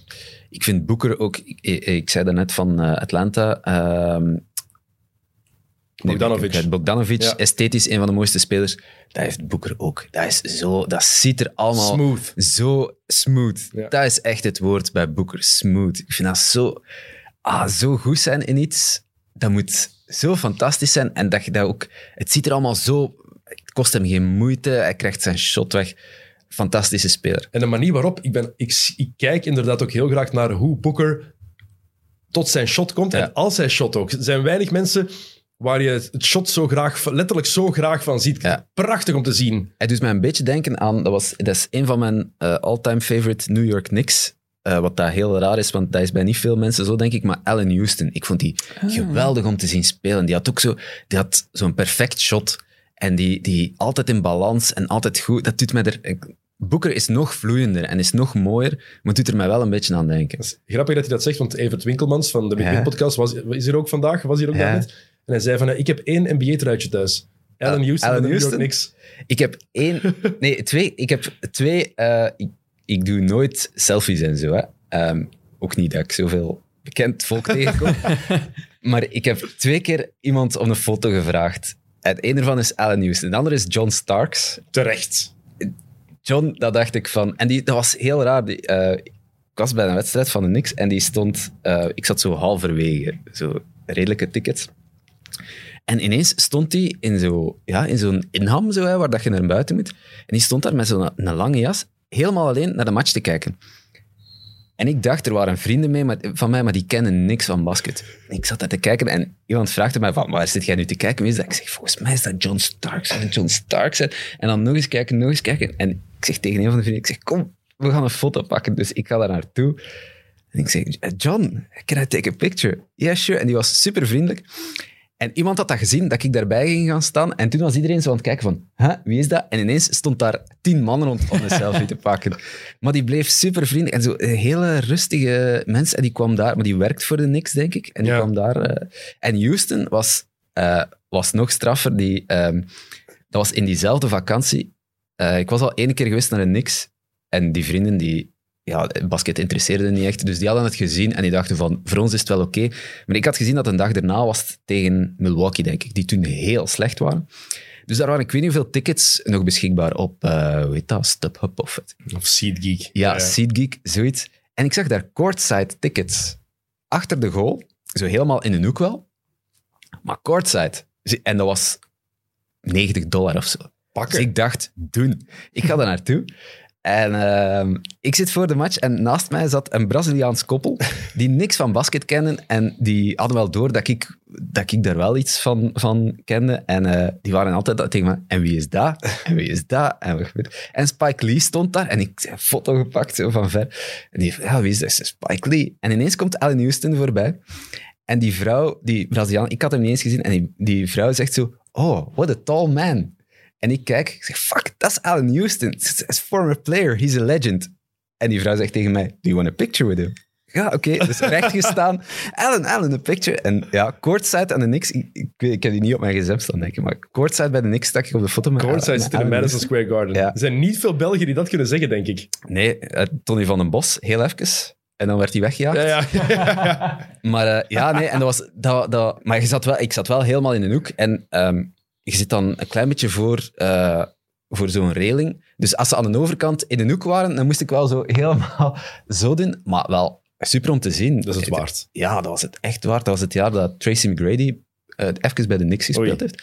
En die stond daar de inbounds te doen. Dus Tracy McGrady. Dat vond ik tof. Toen het al voorbij was, jammer. Toen had het jammer genoeg al Ja, voorbij ja. was. Ik heb. McGrady ook één keer in levende lijven zien zitten. Ah, oké. Ah, vijf matchen op rij. Ja. Toen hij bij San Antonio zat in de finals. Ah, oké. de enige ja. keer dat hij ooit de eerste ronde van de playoffs heeft overleefd, toen hij niet speelde bij San Antonio. Ja. Dat is ook ineens gedaan, McGrady. Hoor. Dat is ook ineens heel... Maar vooral het strafste daaraan vond ik... Want we mochten dan een deel van de shootaround ook zien. Die kreeg er geen bal in, hè. Echt? Niks. Helemaal niks Oh. meer. Ik vond heel veel van die ex-spelers, die, die, die, ja, die blijven binnenknallen. Hè. Ja, ja. Niks gooide die binnen. Oh. En vooral niet ene keer, maar echt dagen op een rij. Dat ik dacht van, dat kan toch niet? Wel, ja, gewoon echt een hele slechte moment in je leven voor een bal vast te pakken. ja. Die, kon, die kreeg er geen bal in. Voor zo'n legend, ik vond dat heel opvallend. Zo spijtig, hè. Kan, gebe- kan gebeuren, hè. Eh, Phoenix, nog een paar dingetjes die interessant zijn. We willen de vijftiende ploeg ooit worden om de finals te verliezen en die het jaar erna te winnen. De laatste ploeg die dat gedaan heeft waren de Warriors in 2017. Mhm. Daarvoor Cleveland in 2016. Ehm, en dan ja, Devin Booker, je zei het al. eh, Booker, 26,8 punten per match, 5 rebounds per match, 4,8 assists gemiddeld. Ehm, nu is er wel ineens veel te doen over het feit... Stephen A. Smith heeft dat gezegd van ja, Devin Booker is de minst gerespecteerde superster in de NBA. Dat was twee jaar geleden zo. Toen hij ook effectief nog een good stats bad team guy Mhm. was. Dat was gewoon zo. Dat is Mhm. geen gebrek aan respect. Mhm. Dat was gewoon zo tot aan de bubbel. Ja. Maar ik vind dat hij zeker het afgelopen jaar meer dan genoeg respect gekregen heeft. Voor heel veel mensen staat hij op nummer 4 in de MVP-stemming. Dus Tuurlijk. En terecht ook. natuurlijk, maar dat is... ai, Ja, maar ik denk bij het grote publiek dat je nog altijd niet... eh, Dat is geen, ge- geen household name. Nee, hè. Nee. dat is het grote ook omdat hij net zo niet dat... Zo'n een Ja Morant in heeft dat sprankelende. Ja. Misschien ook net omdat het er allemaal zo smooth en zo clean uitziet. Ja. hè. Misschien dat sommigen dat zelfs een beetje saai vinden. Ja, dat zou wel kunnen. Ja, dat vind ik wel goed. Ja. Ja. Kan zijn. Die Kan heeft zijn, ook maar geen highlights, hè. Hij heeft geen Nee. highlights. Dat- en zeker in de wereld dat we nu in zitten, dat TikTok en ja, dat is het. Ja Morant is de ster, omdat die, die, die scoort op TikTok. Hè. Ja, van Devin Booker, daar moet je geen TikTok van maken. Dat, is- dat Ja, zo heb ik er nog nooit over nagedacht, maar eigenlijk is het inderdaad zo. Het is heel weinig... Het is niet spectaculair als je Devin Hoeveel- Booker ziet spelen. Hoeveel keer doe, doe je Twitter open en dat je iets van NBA ziet en dat het eh, een, een score van Devin Booker... Ja, nee, dat is een, een geweldig mooi eh, clean jump shot. Je moet van basketbal houden, misschien Ja. wel, om Devin Booker nog Je moet een beetje purist zijn, hè? Ja, misschien wel. Inderdaad, op dat vlak dan kan ik er mij beter in Dat is vinden. een beetje een... een, een eh, oh, dat is nu misschien niet de beste vergelijking, maar dat is een beetje een Kevin De Bruyne tegenover een Neymar. Iedereen kent Neymar, want dat sprankelt, maar ondertussen is Kevin De Bruyne al veel beter. Alleen, ja, dat is soberder en, en eh, ja, smoother. Mhm. Oké. ehm, en dan is er natuurlijk Chris Paul. Mhm. Heeft de Hornets, toenmalige Hornets, New Orleans, in 2008 naar het meeste aantal overwinningen ooit geleid. Heeft hetzelfde gedaan met de Clippers in 2014. En met de Rockets in 2018. En nu met de Suns in 2022. Of je nu pro of tegen bent. Ja, Niels, ik heb het tegen u. Mijn broer is geen grote fan van Chris Paul. Die kan die mensen niet uitstaan. Maar vooral niet door zijn spel, maar door zijn maniertjes. Ja, Dus, ehm, maar of je nu voor of tegen bent. Ja, point guard, hè. Het is... tuurlijk. En ook zo het fabeltje, ehm, het was eh, een fine wine, hè, hij wordt beter met de jaren. Hij wordt niet per se beter met de jaren, maar ik heb wel het gevoel dat hij meer impact heeft met de jaren. En ook een meer positieve impact op zijn ploeg. Dat, dat ging ik ook zeggen. Wordt hij niet net iets in zijn jaren met de Clippers, was dat een geweldige etter ook om mee te spelen. Hè? Als je één bal net niet goed vangt, of je vangt hem, maar je shot hem ernaast, dan kon hij soms bijna staan stampen, gelijk een baby die zijn goesting niet krijgt. Terwijl nu lijkt hij mij iets... Dat is ook logisch. Als, hoe oud is die? 36? Ze- eh, van 37? 85, hij wordt 37 dit jaar, of is 37? Ja. Dat is ook logisch, dat je dan ietsje rustiger wordt, of ietsje geduldiger misschien. Maar het moet zo zalig zijn om ermee op een veld te staan. Zeker nu. Die Doordat hij die ja, mentaliteit ja, ook wel, heeft, omdat dat hij volgens mij ook weet, het moet nu gebeuren. Ja. Ik moet nu winnen, ik wil winnen, En dus als, ik het, moet mij aanpassen. en als hij het nu nog doet, dan speelt hij er wel een grote rol in. Wat dat anders is dan bij sommige anderen die nog snel een titel gaan meepakken ergens. eh, eh, en eh, Gary Payton. Ja.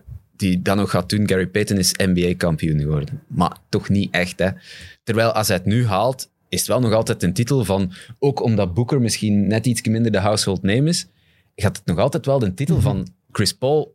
En Maar ook vooral, denk ik, omdat hij de cultuur mee veranderd heeft daar. Hij heeft die kentering mee ingezet. Oké, er was het bubbelseizoen, maar daarna komt Chris Paul, die eigenlijk al afgeschreven was toen hij naar OKC ging van Houston. Het was, ja, de carrière is wel voorbij. Ja. Maar dan leidt hij OKC naar de playoffs met, een, met totale nobodies bijna. Dus als we niet aan Shea Gilgeous-Alexander denken, Lou Dort was belangrijk dat seizoen. en goed dat seizoen. goed, ja. Heel goed. tegen Harden toch ook... Ja, eh, hebben ze wel verloren toen die eerste ronde in, in, in zeven Ja. matchen. Ehm, en dan gaat hij daarna naar Phoenix en iedereen denkt, oeh, wat doen de Suns nu? mhm.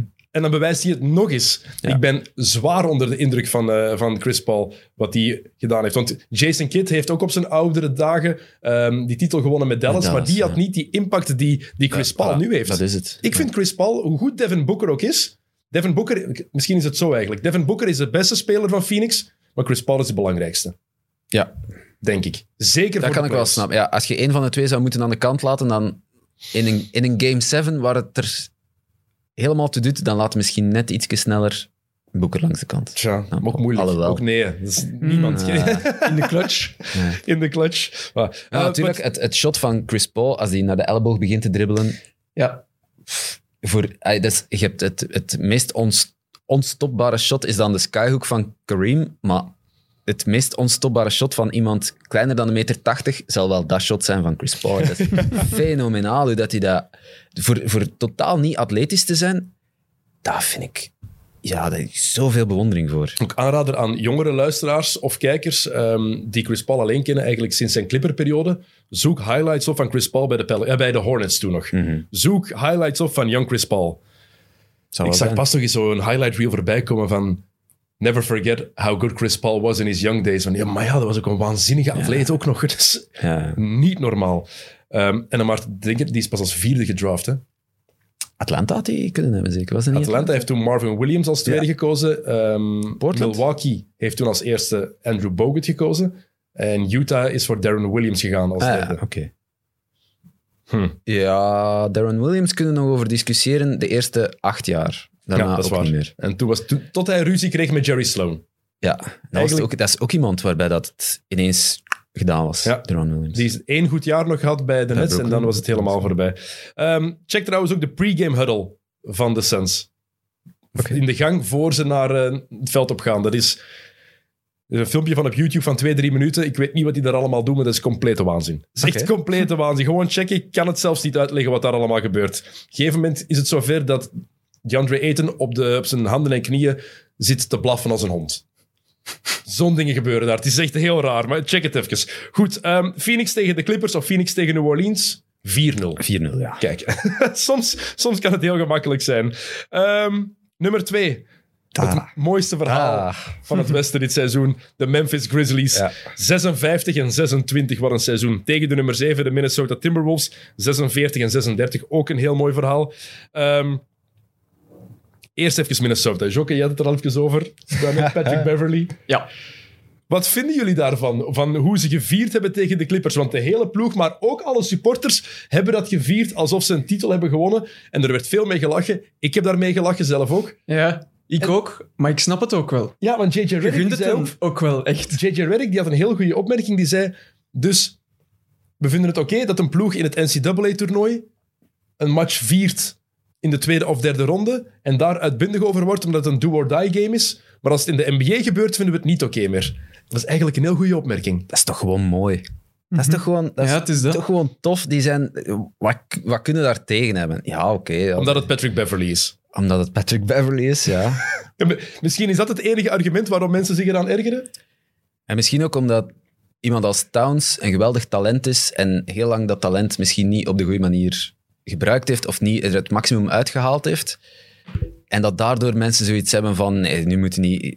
Jij hebt eigenlijk het potentieel om voor veel meer te juichen dan voor één keer de playoffs te halen. Dat zou ik nog kunnen denken, maar ik vind dat gewoon... Ik, vind, ik, vind dat super, ik vond dat super schoon. En ook voor, voor het publiek daar, die wachten al sinds, sinds Garnett, eh, eh, wachten die nog eens op playoffs. Nou, ze hebben nog één keer de playoffs Ja. gehaald bij Jimmy Butler toen, hè? Bij Ja, oké, ja. Tom Thibodeau-jaar. Ja, Nog één keer. ja.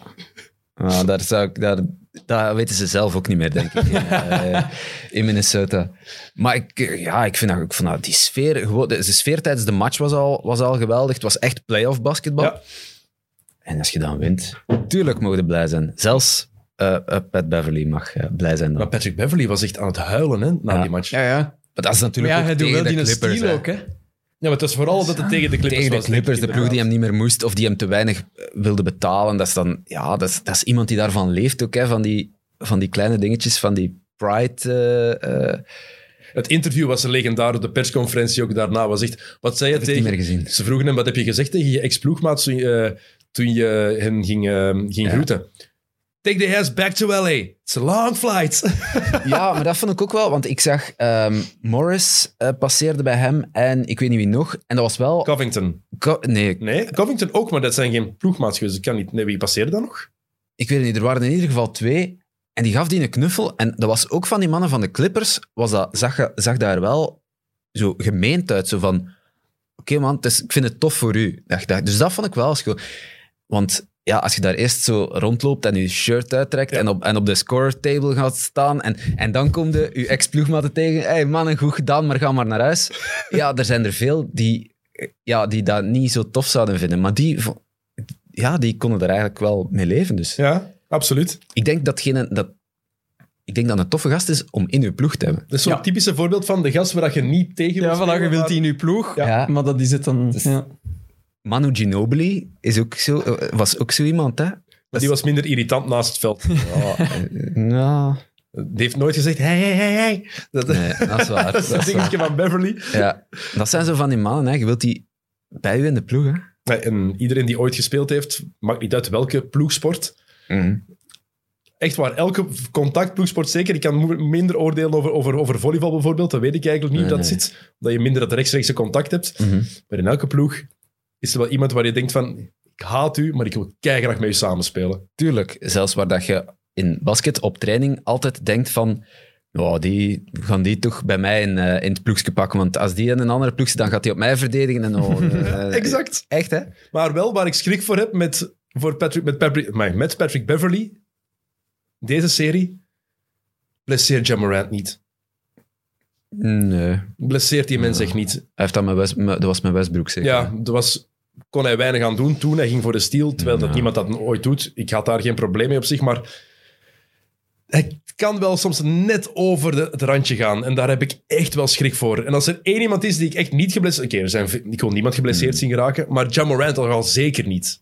Dat is zeker waar. Daar geef ik u 100%. Dat is mijn favoriete speler eh, op dit moment. Maar ja, Ja? ik denk dat is niet nieuw. Hè. Dat is van iedereen zo. Hè. Mogelijk. Toch? Was van, eh, eh, Rick Samai zei dat toch ook als hij hier zat, hè? Ja Morant. Ja. Ik, ik, ik zei daarnet, Iverson all-time favorite. En dan, eh, ik denk dat ik het eens op Twitter of zo gezet heb. En Derrick Rose is ook in mijn top 5 van eh, zo favoriete spelers qua stijl en qua... Als je die live zag, dat was gek. Young Derrick En- Rose. Young Derrick Rose Ja. bij Chicago. Zijn, zijn, ik denk dat ik hem zijn derde jaar of zo is bezig gezien heb. En Ja Morant is de perfecte mix van die twee. Hè. Een beetje Iverson en een beetje Derrick Rose. Dat Ik vind, ja, is zo... Dat is een atleet. Die is, ja, die is, die is niet zoveel groter dan dat ik ben. Ook niet zoveel breder. Allee, toch een stukje, maar ook niet zo heel veel. Je kunt die in straat tegenkomen en denken van, ah ja, dat is een gewone... Maar dat Het die... is geen Desmond Bain. Als Nee, Desmond voilà. Bain, zijn, zijn, zijn kas en zijn armen, als je Ja. tegenkomt, denkt van, kijk, jij En Ja Morant ziet eruit als een gewone, een gewone gast, maar zo goed en zo explosief. Ja, is- ja. Ja, Ah, ik- Het staat helemaal bovenaan mijn lijstje ook van spelers die ik in het echt wil zien spelen van, van Ja. de huidige sterren. Ja. Ik denk by far op één. Ja. Met voorstel. Zeker. Van, de mensen die ik nog niet Zeker. heb zien spelen, Nee. wil ik zeggen. Hè. Ja, ja, zeker. Wow, absoluut. Moeten we samen gaan, eh, Dennis? Ik ben mee, direct. Ja. direct. Maar we mogen, terug, mogen de States terug binnen, hè? Ah ja, Zeker, kijk, ja. Ehm, Minnesota trouwens. Eén ding over de playing game. Daarom dat ik Minnesota nog zei. Die supporter. Niet gezien? Er is een supporter zich vastgelijmd. Ah, ja. ja. En waarvoor was dat? Want dat heb ik dan gemist. Animal rights, Animal rights. dierenrechten. En, maar, dus die Omdat dat de Timberwolves zijn. Ja, maar ik heb de laatste maanden zo'n rare ding gezien in, in Engeland. Ja. Iemand die zich met een colsonbandje vast had ge... Bij, bij Leicester of was dat zeker? Of Everton? Everton. Everton. Want de dag ervoor was het in Liverpool gebeurd. Dat Ah, is het geprobeerd. Het was ja. Everton tegen... Het kan wel tegen Leicester geweest zijn, weet ik niet. En dan dit maar vastlijmen, echt. Ja. En dan hebben ze die er gewoon afgetrokken. Dan, maar je zag ook nu nog altijd... Net daarna zag je effectief die hand daar nog in staan. Hè? Echt? Ja, tuurlijk heeft hij met een superlijm vastgelijmd. Super cool. wat, denk, wat, wat denken die mensen ook van... Ah ja, dan gaan we er niet aftrekken. Tuurlijk wel. Ja. Allee, wat gaan ze, de volgende is met een lasso die rond die, rond die, rond die dingen hangen. Of die staander hangen. Of Rond de ring. op die ring klimmen. Ja. Cor Korf moet hier zeggen. Ah. Je- Wesley Song zei het pas zelfs in de Container Cup. Is echt? Ja. Wesley weet beter. Dat zou je denken, ja. Zou je denken, je zegt geen korf. Zeg dan mand. ja. Dat is beter. Korf. Oh, wat een hel. Eh, ehm, het ding is, bij deze serie... Je zou gemakkelijk kunnen zeggen, ja, het is voor Memphis. Maar ik vind dat helemaal niet zo evident, eerlijk gezegd. Eh, Minnesota, best scorende ploeg in de NBA dit seizoen. Ehm, geen enkele ploeg forceert meer balverliezen dan de Timberwolves. 23 overwinningen, meer dan vorig seizoen. En ze hebben daar een heel stabiele factor met Chris Finch nu gevonden, die daar een contractverlenging heeft gekregen waar niemand over praat. Nee. Echt rustig onder Ja. de radar door heeft hij een contractverlenging gekregen. En ook heel mooi dat het dan de mens is die eigenlijk zijn carrière echt begonnen is in België. Dat is wel straf. Nick Nurse en Chris Finch, twee van de top NBA-coaches van het moment, die zaten hier in België. Chris Finch was een succes. Nick Nurse was Nurse, een mislukking. Ja. Ik denk dat er in het eh, VRT-archief nog een interview zit met Nick Nurse toen dat hij Oostende kwam coachen en die gaf een interview met een cowboyhoed. Ik weet dat niet 100% zeker dat het Nurse was, maar ik denk het wel. Ik, ik, Zoek ga, het er stra- ik ga het op. straks opzoeken en dan stuur ik een screenshot door... Eh, ik denk dat wel dat dat Nick Nurse was. Echt een interview met een cowboyhoed. Ik denk Wat? dat hij... Is hij ook niet bij Gent gecoacht? Ik denk alleen Oostende, dacht ik. Want hij is heel snel naar Engeland gegaan. heeft daar vooral een heel mooie carrière uitgebouwd. Ja, bij, bij Londen, London Bridges? Ik geen idee waar. Maakt niet uit. Geen idee Ik tik straks in het VRT-archief in basketbalcoach en cowboyhoed en ik laat het weten. Oké, heel goed. Eh, wat Minnesota ook heeft, is een hele goede starting five. Eh, met Beverly, met Russell, met Anthony Edwards, met Cat en met ehm, Vanderbilt. Ik was even aan het Mhm. kijken. Vanderbilt natuurlijk. En Carl Anthony Towns is de beste speler daar dit jaar. Maar we hebben wel gezien de play dat ze hem er helemaal uit kunnen halen als ze willen. Want de Clippers Ja. zijn erin geslaagd om Towns helemaal naar huis te spelen. Towns die ook hele domme beslissingen neemt. Zijn zesde fout bijvoorbeeld. Waarom ga je zo in dat rebound-duel als je vijf fouten hebt? Ja, ook al zijn vijfde. De- hij, hij, hij geeft één iemand een schouder, dan denkt hij van, oh, niet doen, niet doen, niet doen. En dan komt hem een tweede tegen, ja, en dan doet hij het nog eens. Maar is dat te graag willen? Want het waren, of, het. hoe kan je dat verklaren? Want het Ja. waren gewoon domme fouten. Ja, dat zal niet anders zijn dan dat. Hè. Gewoon de, de... Ja, dat is natuurlijk... We zeggen ook wel, het publiek was fantastisch, maar die zwepen nu zo op. Ja, blijf daar maar eens cool onder, hè. Anthony Edwards is er cool onder gebleven. Anthony Edwards. Ik vond die Edwards. fantastisch. Ja, ik was net aan het denken als je zegt, eh, eh, Carl Anthony Towns is hun beste speler. Nu nog wel. Ja, maar ja, daarom. Het was dit seizoen nog het geval. Ja. Maar Edwards, Edwards is zie die graag spelen. Ja, zeker. die heeft een bepaalde stijl die mij heel hard aanspreekt. En het is een stijl dat ehm, bij John Morant kunnen zeggen een combinatie tussen Iverson en Derrick Rose. Bij Edwards heb ik niet echt een speler dat ik denk van, ah ja, dat is gelijk de die. Jonge Dwayne Wade. Maar dan nog atletischer. Nog steviger Nee, toch? nee, niet nog atletischer, hij valt gewoon minder op de grond. Dwayne Wade, elke keer als hij naar de ring ging, dan lag hij ergens op het parket. En, en hij heeft een driepuntshot. Dat had Young Dwayne Wade eh, zeker niet. Het ziet er wel nog niet helemaal top uit, de driepuntshot, maar het valt wel. Nee, en heel vreemd. Maar dat is bij veel NBA-spelers, jonge NBA-spelers, ik vind dat zo bizar. Step back three binnen, step back three binnen, driepunter airball. Dan denk, of los tegen het bord en geen ring. Dat vind ik zo bizar. Maar Luca heeft daar ook soms last van. Ja, hè? ja, ja. Die shots ook gemakkelijk Dat is raar, binnen hè? stepbacks. Ik vind, dat, ik vind dat heel raar dat je een moeilijk shot zo goed kunt. En dan op sommige... Maar Curry heeft dat bijvoorbeeld niet. Hè. Curry shot geen airballs bij zijn driepunters. Of het moet zijn als het een hele uitzonderlijke situatie. Maar die en Clay Thompson ook niet. Dus de echte pure shotters, die hebben dat nooit. Die shotten geen airballs bij driepunters. Maar zo die Edwards, ja, één of twee keer per match is dat boink tegen het bord. En dan denk je van, wow. maar dan shot hem er ook wel... Hij, hij stond in een, in een heel mooi lijstje, hè, in de, ik weet niet of je het gezien hebt Nee. tijdens de match.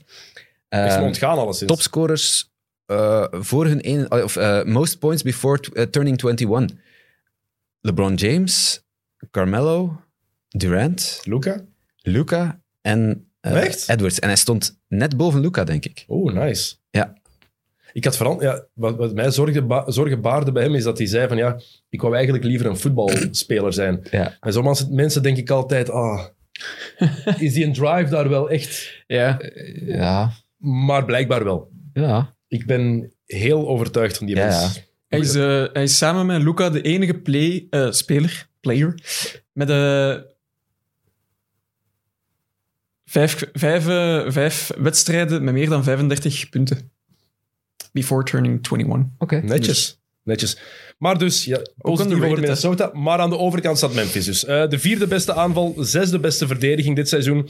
Vijfde beste net Ehm, en dit seizoen hebben ze zonder Jamorant 25 matchen moeten spelen. Ze hebben er daar 20 van gewonnen. Dus het is een ploeg die ook weet wat ze moeten doen als hun sterspeler uitvalt. De Ewing Theory, zou je kunnen zeggen. Maar dan zie je ze spelen met Morant en bedenk je, ah ja, oké. Zijn nog zoveel beter. Ook al zegt het record dan misschien Ja. iets anders op het veld. De eye-test is, is, duidelijk, is duidelijk genoeg.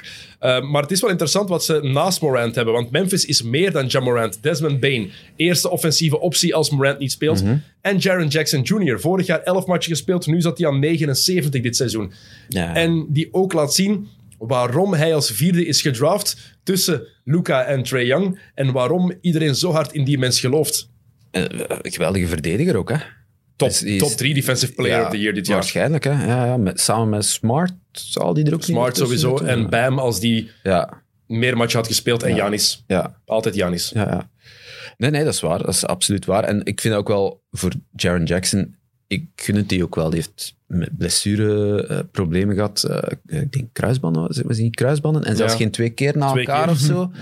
Ja, zo iemand gunnen dat dan wel, dat hij een volledig seizoen kan spelen en dat hij dan terugkomt op het niveau, want dat is ook al niet evident na knie- knieblessures, dat je dan terugkomt op het niveau dat van u verwacht wordt. Dus dat is, ja, daar ben ik eigenlijk wel blij om. Dat Heel- maakt het ook tof om die ploeg bezig te Heel zien. positieve mensen. Dat hij bij, denk dat hij bij Zach Lowe zat.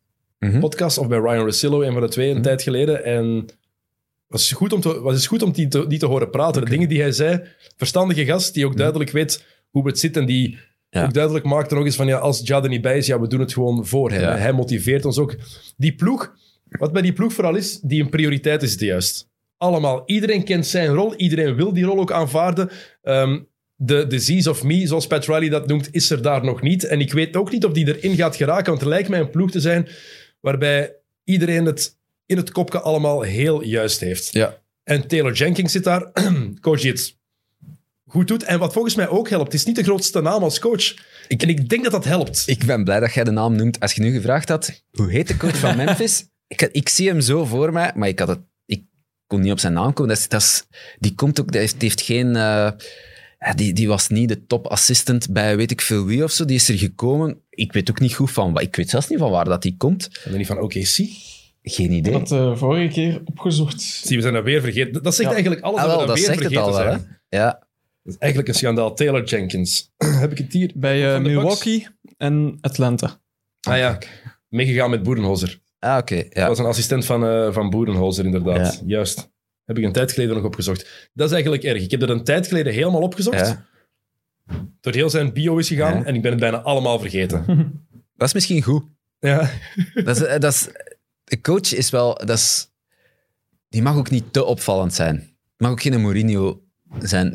En ja, blijkbaar werkt dat toch wel goed in, eh, in En het is ook een, wat ook leuk is aan deze ploeg, ze zijn jong, 24,4 jaar gemiddeld, Ja. met de mensen die minuten krijgen. Als ze de finals zouden halen, is het de jongste ploeg ooit die de finals haalt. En het is de jongste ploeg met een top 2 seed sinds ze het zijn beginnen tracken in het seizoen 51-2. Oké. Dus dat is echt waanzinnig. Maar wat het daar extra leuk aan is, is dat het een jonge ploeg is met heel veel zelfvertrouwen en die ook voor hun zelfvertrouwen uitkomen. Trash talken de hele tijd. Maakt niet uit tegen wie, tegen LeBron. fuck off. Het is onze tijd. Ja. Maakt niet uit. Ah ja, we moeten we moeten, jullie moeten respect tonen. Dat LeBron dat ook zei, alsof LeBron dat niet gedaan zou hebben, zijn- zou hebben op zijn 21ste. Nee, jullie moeten respect tonen. Waarom zouden we? Wij zijn beter. En dat is het coole daaraan is, of vind ik toch ook, dat je had de Grizzlies, de grit and grind, met Tony Allen en, eh, en eh, Gasol en, en, eh, en. Randolph. Ja. En die identiteit, niemand van die ploeg speelt nog bij de huidige Grizzlies, maar ze hebben precies wel die identiteit meegepakt. Dus dat, Maar dan iets meer flashy. ietsje flashier, ja, maar wel... Ja, Ja Morant. Ja, ja, tuurlijk.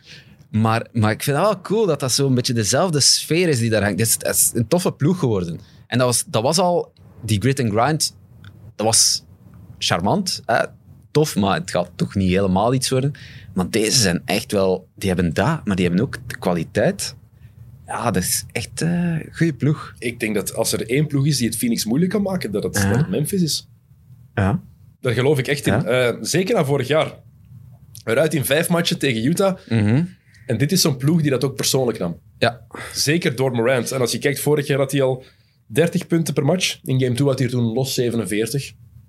Waarom niet? Eerste playoffs ooit. Ja. Ik geloof in Memphis, echt. Maar het gaat niet gemakkelijk worden tegen Minnesota. Want het trash talken, dat doen ze bij Minnesota natuurlijk ook. Zeker met Patrick Beverly. Dus dat gaat, het gaat, gaat toch sowieso vonken geven? Het gaat super zijn, ja. En het toffe is dat je zegt ook van... Ik geloof in Memphis, ik ook. Maar helemaal shocked zou ik ook niet zijn als die eruit gaan in de eerste ronde. En Nee. dat maakt het zo cool. Ja. En toch zeg ik Memphis in 6. Memphis in zeven. In 7 zelfs. Oef, mooi. Dat wordt een interessante serie. Het... Iedereen praten over het Oosten is de meest interessante conference. De playoffs in het Westen vind ik eigenlijk interessanter dan in het, eh, in het Oosten. Maar dan gaan we naar 3 tegen 6 en hebben Golden State tegen Denver. Ja. Golden State 53-29, Denver 48 en 34. Eh, wat hier veel gaat bepalen is gezondheid. Ja. Krijgen we Stephen Curry terug? Wanneer krijgen we hem terug? En welke Stephen Curry krijgen we terug? Dat is de Ja. grote vraag, denk ik. ja. Bij, bij de Nuggets komt er van de grote eh, Murray en eh, Porter, die komen niet, hè? Normaal gezien niet, maar eigenlijk wel straf. Want eh, wanneer- afgelopen dinsdag was het een jaar geleden dat Murray zijn Ja, kruisband heeft gescheurd. Een jaar. Dat is lang, hè? In het voetbal duurt het zes maanden voor spelers terug zijn. Meteen. En in het basket, in de NBA, nemen ze daar meer en meer hun tijd voor. Ja. Heel opvallend. Ehm, Terwijl dat je zou denken dat dat voor een voetballer toch ook niet zo evident is. Draaibewegen op gras. En dat de omstandigheden bij het basket misschien net iets makkelijker zijn om terug te komen van een kruisband. natuurlijk wel meer springen in basketbal. Dus die Dat is knie, waar. die krijgt, op dat vlak krijgt hij wel wat meer te, Ja. druk te verduren. Ja. Harde ondergrond, of, hangt er ook vanaf natuurlijk. Want als, als je gevroren heeft, dan... Ja, het is dat. Ja, goeie vraag. Geen idee Maar het is inderdaad lang dat hij, dat hij al oud is. Een jaar lang. Ja. Een jaar niet meer gespeeld. Ja. Eh, maar dus de gezondheid gaat veel Mhm. bepalen. Als Stephen Curry speelt en als het 80% Stephen Curry is, want we gaan niet, we gaan niet op volle kracht zijn, dan zeg ik de Golden State Warriors. Ja. Want bij de coachingstaff van Steve Kerr weten ze ook, we moeten gewoon Nikola Jokic ergens onder controle houden, want die bepaalt alles. Ja. Alles. De vraag is, hoe kan je dat doen? Dat is het natuurlijk, hè. Ja. Ehm, ja, ik denk zelfs Curry aan minder dan... Ik denk dat het zonder Curry ook spannend wordt. Het is niet... Als, als het zonder Curry zou zijn, zou ik nog niet sowieso zeggen de Nuggets gaan, gaan hem pakken. Nee, maar ik zou zeker zeggen Golden Ja, ja. State als Curry erbij Ja. is. Dat bedoel ik Ja, ja, eigenlijk. Ik geef het ook Ja, niet ja. aan, Golden, aan, aan Denver Ja, zonder Stephen Curry. Denk gewoon, met hem, dan is, Ja. het, geen, is het zelfs geen vraag. dan is het sowieso ja. voor de Warriors. Oké. Al kijken we dan misschien te gemakkelijk over het seizoen dat Nikola Jokic heeft gehad. Want hij heeft Denver dit jaar naar een overwinning meer geleid dan vorig jaar met Murray en Porter. Ja. ja, en wie gaat hem stoppen ook hè, bij, eh, bij de Warriors? Of wie, Dra- Ja, zie, je hebt, je hebt een van de beste verdedigers ooit daar. ja. Op wie ga je Ja, Draymond toch. Green anders zetten? ja, maar Ik Draymond... heb toch schrik? Ja. Ja. schrik, ja. Je Jokken is de Warriors lover, hè? Nee, Ah, geen ja? lover, maar Een beetje. een beetje wel. Ja. En het is niet dat ik mij een gerust hart naar eh, Nee, hè? die matchup kijk. Maar op wie, zet, op wie zet je Draymond- Draymond Green anders? Ja, ja, Ja, nee, moet ja, je sowieso op Jokic zetten. Je Maar moet hem erop zetten, maar... Jokic is wel een VP, hè. En Draymond Green trekt zich meestal goed uit de slag tegen centers. Maar hij speelt niet vaak tegen eh, een center van het gehalte van Jokic. Hè? En die ook de Die- dingen doet op die manier. Ja, ja. Hij verdeelt, brengt de bal over. top of the key zijn gevaarlijk. Heeft dat shot, heeft die rare one-footer floater. Ik weet, ik Ja. weet zelfs niet wat het is. Die, die fadeaway op zijn verkeerde voet ziet er nog altijd... Elke keer als ik het zie, blijf ik daarvan schrikken. En je hebt het al zoveel gezien, maar het klopt nooit. Dat is fantastisch hè, om dat te zien. Dat is toch Dat is iemand van, hoe groot is die? 2 215. 215. Dat is Thomas van de Spiegel, hè?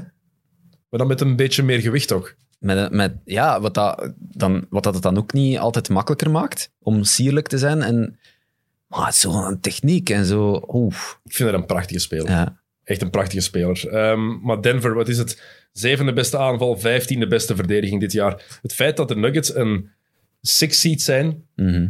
is eigenlijk al waanzinnig. Mhm. Dat is een zotte prestatie dat ze daarin geslaagd zijn. Ehm Jokic heeft nog wat dingen laten zien de laatste weken trouwens. Hè. Nadat we onze awards ehm, discussie hebben gehad hier met de Chaotic 4. Eerste speler ooit met 2000 punten, 1000 rebounds en 500 assists in één seizoen. Zijn reactie was, oh, it's nice. Eh, ploeg op zijn eentje gedragen en in maart en april had hij gemiddeld 31,6 punten, 13,7 rebounds, 7,5 assists en een shotpercentage van 62%. ja. That's nice. Allee, dat is gewoon belachelijk. Ja. Dat is Gemakske. echt gewoon belachelijk. Eh, nu aan de overkant, Golden State dan, ja, blessureleed gehad. Je wacht op Clay Thompson, dan was die terug en dan viel Draymond Green uit. Kwam Draymond Green terug, valt Stephen Curry uit. Hebben dit seizoen samen 11 minuten op het veld gestaan. De Big Three. De line-up met... Ik dacht dat hij elf matchen ging zeggen. Nee, nee, minuten. De Big Three met Wiggins en Looney, dus eigenlijk Ja. een ideale starting five, heeft dit seizoen in totaal 7 seconden op het veld gestaan, sta- gestaan samen. Oké. Dat was die, die match waarin Clay Thompson terugkwam en Green Ja, meteen een fout ging maken omdat hij eigenlijk geblesseerd was. ja, ja. Nu, het voordeel voor hen is dat ze elkaar door en door kennen. Dus als Curry terugkomt, dat het volgens mij geen moeite gaat zijn Nee. om daar snel weer een align te vinden. Maar we moeten ons niet de vraag stellen of dat nog wel de Big Three is. Is dat nog wel Curry, Green en Clay? Jordan Poole. Jordan Poole. Is dat niet offensief de op, de op één na belangrijkste man na Curry? Ja, die heeft wel zijn breakout season, hè. In maart 25 punten per match, 5 assists, 4 rebounds in 19 matchen. In afwezigheid van Curry. Ja, dat is goed, hè? Dat is, dat is het minste dat we kunnen zeggen. Eh, dus ik weet niet of dat zo... Het, het is positief voor de Warriors, denk ik, dat ze Poole zo ja, hebben. Ja, tuurlijk. En kunnen ze, kunnen ze spelen met de drie samen? Curry, Poole, Clay Thompson? Ja, als je klein gaat. En dan, En dan- Wiggins, en, en dan Curry- Wiggins en Green. Wiggins en, en Green erbij. Ja. Maar dan moet je lopen, hè. Dan moet je Ja. gewoon constant lopen. Ja. Tegen, tegen Denver kan dat, volgens mij. Mhm. Tegen wie komen ze uit in de tweede ronde als ze doorgaan? Eh, Tegen Memphis dan waarschijnlijk, of tegen Minnesota. ja. Ja. Kan zeker. Waarom niet? Ja, waarom niet? Maar Golden State heeft ook nog genoeg van de bank. Hè. Ze hebben nog altijd Bielica, die minuten kan krijgen en nuttig is voor de Ja. ploeg. Ze hebben Porter, die minuten kan krijgen voor de ploeg. Ik ben niet altijd de even grootste fan, maar Nee, maar dat is wel nog altijd Porter die... Dat, dat was wel starting... Dat was een starter bij Washington, hè? Die, die heeft 100 miljoen gekregen of zo. hè. Dus die, nummer drie pick. Ja, dat is wel... En die is ook je- wel terug wat boven water gekomen, Als die uw achtste man is, dan zit het er redelijk goed aan toe, Ja. denk ik. Hè? Eh, de Warriors, 16e beste aanval, op 1 na beste verdediging, vierde beste net rating. En die op 1 na beste verdediging komt eigenlijk gewoon omdat ze een dip hebben gehad nadat Draymond Green is geblesseerd geraakt, want die bepaalt daar alles defensief. En omdat Boston gewoon zijn Ja. defense heeft opgeschroefd, een tandje heeft bijgestoken. Eh, ja, de vraag is gewoon de grote vraag hier. Wanneer is Curry terug? Ehm, hij zou deze week terug beginnen trainen. Heeft 12 matchen gemist met die voetblessure. Zag er een pijnlijke voetblessure uit ook echt. Ehm, dus daar ben ik altijd heel, heel sceptisch over. Mhm. Ik hou mijn hart daar altijd een beetje voor vast. En toch denk ik dat ze het gaan pakken. Ja, ik denk het ook wel. Ik zeg nu Warriors in 6. Warriors in vijf. Oeh. Met of zonder Curry? Met Curry. En zonder Curry. Nog altijd Warriors, maar dan zes of zeven. Oké. Goed. De laatste. Dallas, Utah. Dat was Utah, ja. En ook hier hangt alles af van gezondheid. Ja. Nog meer dan ooit. Ja, ja Eh, daar is het helemaal zo. Hè. Bij, de, bij de Warriors hebben nog een kans zonder Ja. Curry. Als Luca niet speelt, dan kunnen ze beter niet beginnen. Ja, we, kunnen hier dat het alles moeilijk overlopen. we kunnen hier alles overlopen wat ik ook genoteerd heb, maar eigenlijk maakt het geen zak uit. Nee. Nee. Zonder Luka Doncic is het voorbij voor, voor de Dallas Mavericks. Mhm. Helemaal. Ehm, het probleem is, verrekking in de kuit. Iedereen die dat ooit al gehad heeft, dat is echt ambetant. Dat is Mhm. gewoon, je kan, daar, je kan niet wandelen. Er is dan een foto opgedoken van Luca die naar het ziekenhuis, of het ziekenhuis binnen wandelde in zo'n, in zo'n bot, in zo'n walking booth. Dat doen ze natuurlijk ook wel snel aan tegenwoordig. Hè? Ja, maar voor een kuitverrekking. Waarom? Gewoon Om het niet te belasten. Ja, maar een bot, ja oké, kan. Ik, vind, ik, vond dat, ik vond dat heel raar. Ja. Ja, nou, dat vind ik nu niet. En, en zou dat ook niet een beetje. Eh, we doen die een bot aan en die foto duikt op. Is dat ook niet een beetje zo gamesmanship van. We zien wel wat dat ze erover zeggen. Ja, Ik kan dat ook wel doen. Zei, Ja. ja, hè, toch? Ja. Ik denk, ik denk duidelijk niet te ver, ik denk duidelijk niet ver genoeg na de laatste Niet tijd. sluw genoeg, hè? Ja. Nochtans, in de mol moeten zo, moeten zo denken. Alleen daar denk ik ver Ah, na. misschien, ja. is, misschien is het daarom. Ah, inderdaad, zou dat allemaal tricks zijn. Tuurlijk, ik ben te naïef. Net zoals ik met gokken op de mol. Ik En- ben te naïef. En ik moet nu heel eerlijk zijn, je hebt ook gespeeld. Dat, is, dat zou je toch ook doen, dat je de ene dag in zo'n in zo'n eh, zo'n bot loopt en dan een dag daarna met geweldig veel tape rond je voet, maar dan toch spelen. Maar Omdat het, zag iedereen er dan wel, zoiets heeft maar het van... zag er wel slecht uit. ja, ja, Die blessure, zonder contact en Ja. kuitverrekking door wat er gebeurd is de afgelopen jaren, ga ik meteen terug naar 2019. Kevin Durant. Kevin Mm. Durant. Kevin Durant. Rode, Mm. rode alarmbellen en rode alarmlichten gaan af, alarmbellen gaan af in mijn hoofd. Ja. Dat was ook een kuitverrekking, hè? Ja, Hij komt wel terug. Hoe lang heeft het geduurd? Elf minuten? ja. Dus dat is, daar heb ik zoveel schrik voor. En ik wil niet dat Lucas en Achillespees niet, hè? Nee, het enige dat ik wel denk is dat Luca misschien nog een andere manier van spelen... Dat is niet echt explosiviteit, hè? Luca? Ja, toch, als is- hij voorbij zijn man gaat, dat is nog altijd wel... Het is meer vaardig en, en zijn lichaam perfect weten gebruiken dan echt puur op... Dat is geen Ja Morant. Maar bij die- Kevin Durant was het ook niet explosiviteit. Hè? Die, zijn Achillespees is afgescheurd omdat hij zich afstootte om voorbij zijn man te gaan. Gewoon Mm. afzetten. Ja, dat doet Luca ook. Als die stopt voor die typische fadeaway's, Ja. dan komt ook heel veel druk op je kuit Ja. te staan. Hè? Ja, dat is waar. En als hij dan gaat beginnen... pff, ik vind het vreselijk, echt. Ehm, en tegen iets, we kunnen daar nu niks over zeggen. We weten het we weten er niks van. En morgen gaan we er ook niks over weten. We gaan er pas weten. Voordeel, daar is het voordeel van die week, is, is daar wel heel groot. Hè? Als die direct moesten beginnen, dan was het waarschijnlijk al de eerste twee matchen niet. Ja, en dan was het... Maar zonder Luca, Spencer Dinwiddie gaat het niet opvangen in een serie tegen Utah. En ik ben heel sceptisch over Utah. Mhm. Ik vind Utah echt... ah, Ik had ze voor het seizoen had ik ze op één gezet. In het Westen gewoon het reguliere seizoen. Eh, ze hebben de beste aanval in de NBA. Tiende beste verdediging, op twee na beste net rating en op twee na beste point differential. En toch geloof ik er voor geen millimeter in. Totaal Nee, inderdaad. Het is daar gewoon, zit daar gewoon scheef. Die een window is voorbij. Hè? Ja. Dat is echt... En ja, als uw twee beste spelers niet overeenkomen, dan... Ja. Heb je die stat gezien? Hoeveel passen ehm, Mitchell gemiddeld blijkbaar geeft per match aan Gobert? Nee? Geen assists, Twee? passen. Twee. Ja.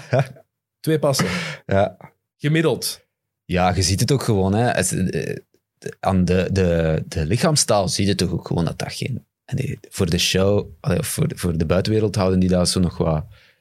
Die de schijn nog wat hoog, maar dat- die- Maar is er, los van de relatie tussen Mitchell en Gobert, is er een speler die meer gehaat wordt zonder reden dan Rudy Gobert door het hele NBA-publiek? eh, Ik denk dat iedereen... Maar het is, ik heb het er ook... Ik weet ook niet waarom, maar dat ik, Ja, volg het dat er ergens. voor, hè. Ik heb het daar niet voor, voor die mensen. Wel dat hij nooit iets verkeerd heeft gezegd.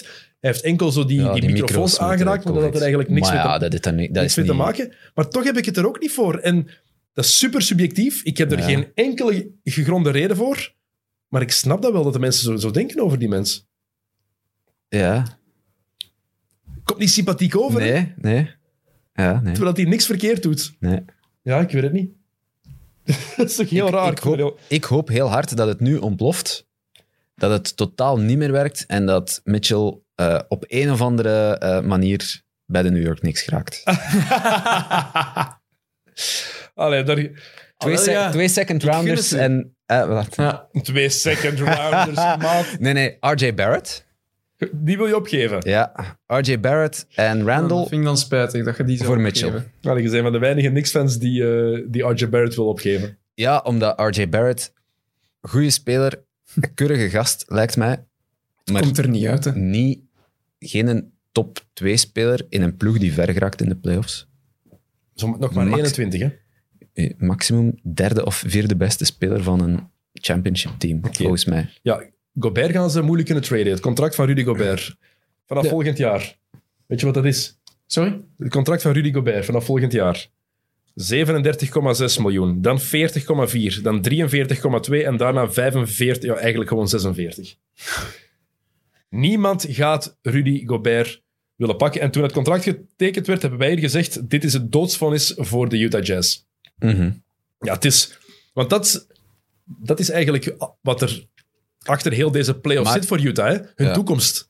Maar op dat moment dat ze het deden, konden ze ook niet veel anders. Hè? Is er een andere ploeg die zo'n contract aan Gobert zou geven?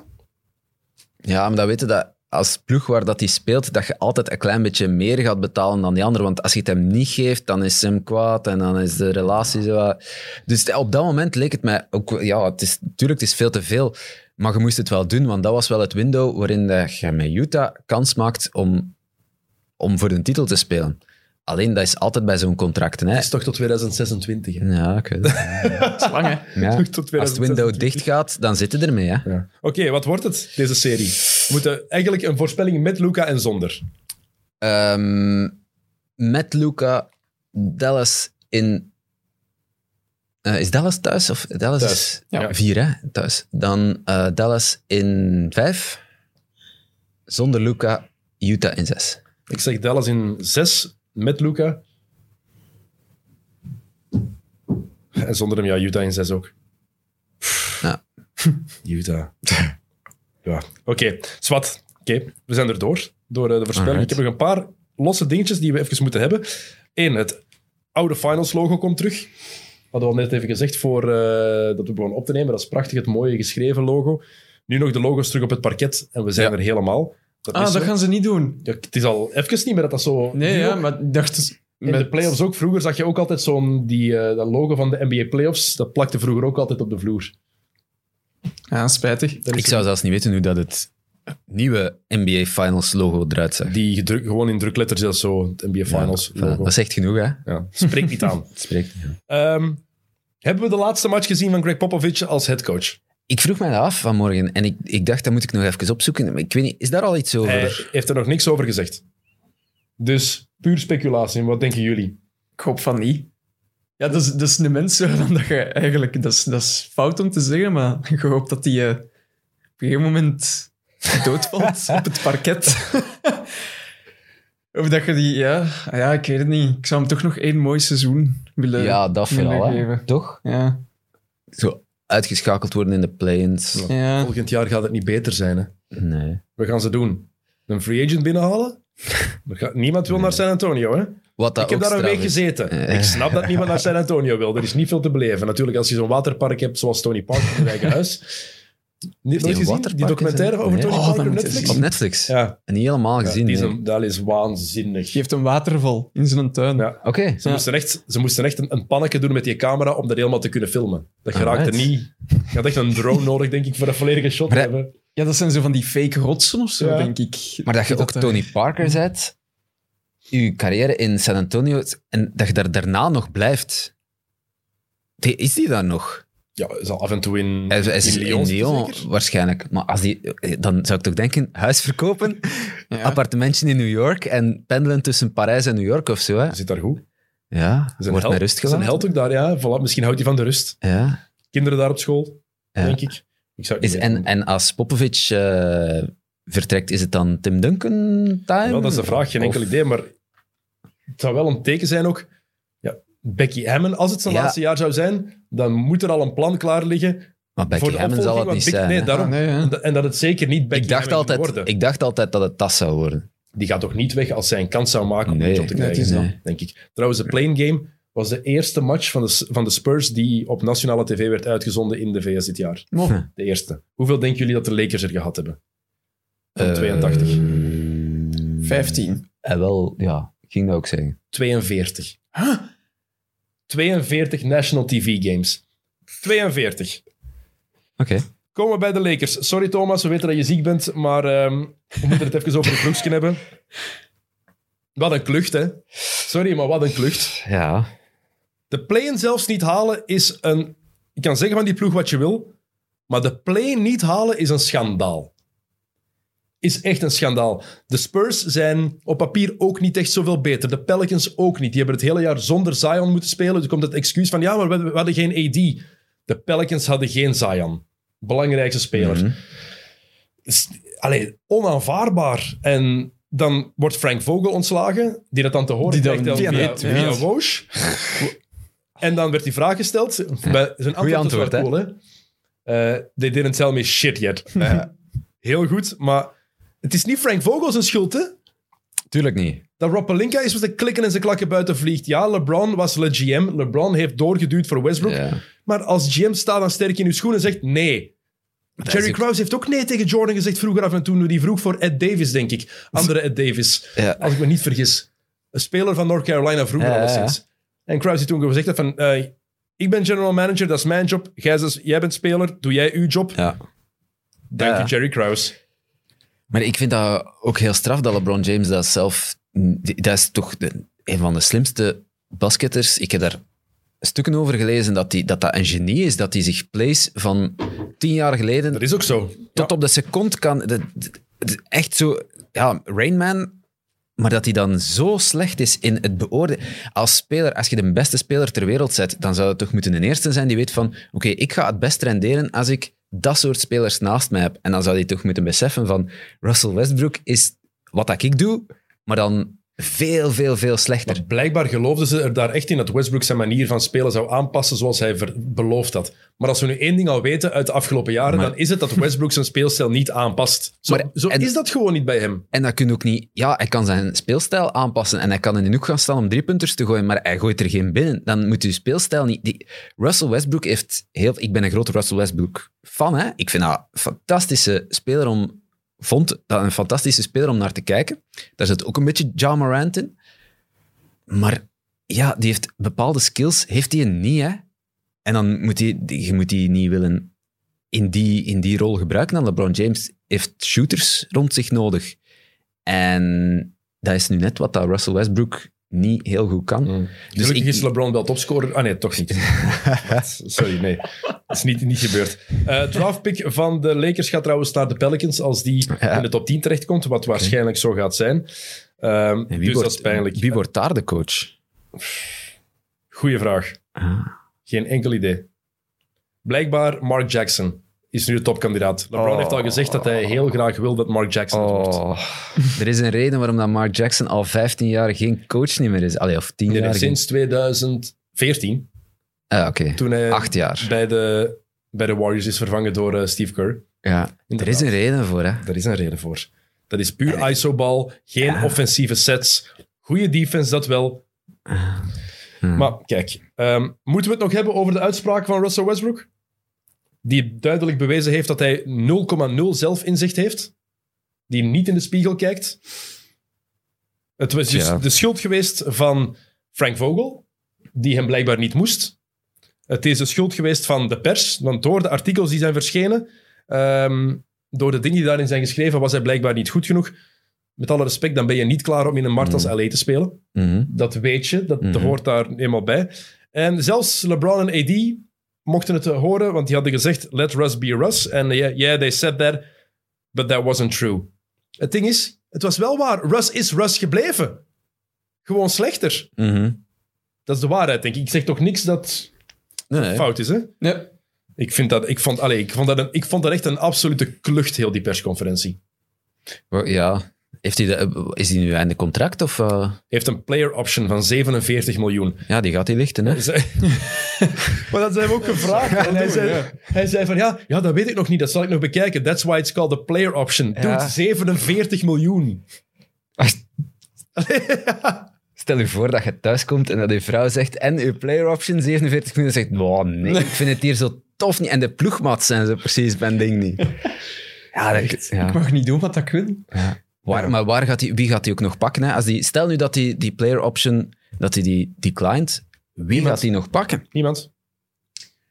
Ja, dat, is ook, dat wordt dan ook zo'n carrière die dat... pff, Pijnlijk, hè? Heel pijnlijk eindigt. Ja. Ja, en dus bij Carmelo Anthony is het ergens ook zo, die de laatste jaren van zijn carrière, dat is zo, ah, dat doet afbreuk Ja. aan de speler die Ja. hij ooit is geweest. Ja, maar, Ja, dat maar Mello heeft nog aan. zo... Ja, dat is waar, maar Mello heeft nog wel... Die heeft zich nog een klein beetje om kunnen scholen. Ja, omdat dat hij wel waar. dat shot had. En dat, hij... ja. Bij Portland bijvoorbeeld Ja. vond ik die nog wel goed passen. Dat was ook door omstandigheden, omdat die niet veel anders hadden. Maar samen met Lillard en McCollum, eh, die, die lieten staan achter de driepuntlijn. En dat was niet meer eh, ISO-plays van Mello, maar dat was wel open shotjes pakken. En dat kon die wel. Dat kon niet. Olympic Rest- Mello. Ja, voilà. Hoe die Mello. Ja. maar Russell Westbrook, die, die, kon, dat, die kon dat niet. Maar als En- je ook de ploegen afgaat, is er geen enkele ploeg waar ik van denk van, oké, daar kunnen ze hem gebruiken. Ja, ja. Bij jonge teams bijvoorbeeld, ja, je wil hem daar niet zetten, want je bent aan het ontwikkelen. Je gaat Mhm. geen gast daar zetten die toch gaat doen wat hij wil doen. En Mhm. dat is wat, gewoon wat Westbrook doet, vrees ik. Wordt niet gemakkelijk. En dan hebben we nog AD en het hele blessuregeval, eh, verhaal wat daarvan gaat komen. Nog één ding over Vogel trouwens. En daar heb ik, zou ik als Lakers-fan ongerust over zijn. Weet je nog toen Vogel zei van ja, ik heb ehm, toestemming gekregen van het bestuur om Westbrook op de bank te zetten. Dat je als coach toestemming moet krijgen van het bestuur om een speler in het vierde kwart op de bank te zetten. Ja. Vat dat niet alles samen wat er mis is bij de Lakers? Die is toch eigenlijk kei blij dat hij nu weg is.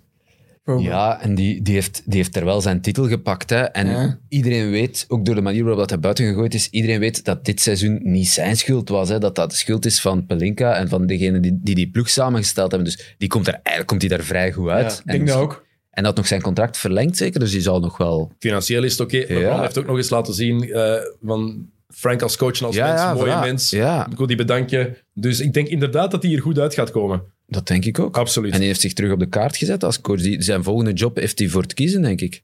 Wel positief nieuws voor eh, de Lakers ook. Ze moeten Lou Deng niet meer betalen.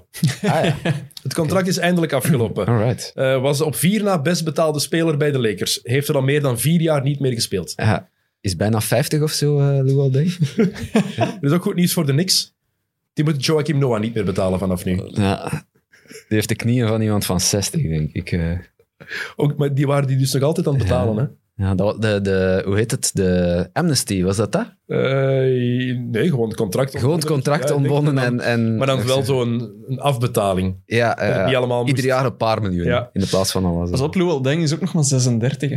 Is hij nog maar 36? Is 36? hij van 86? 85. Ja. Hij wordt eh volgende... Nee, ah, hij wordt...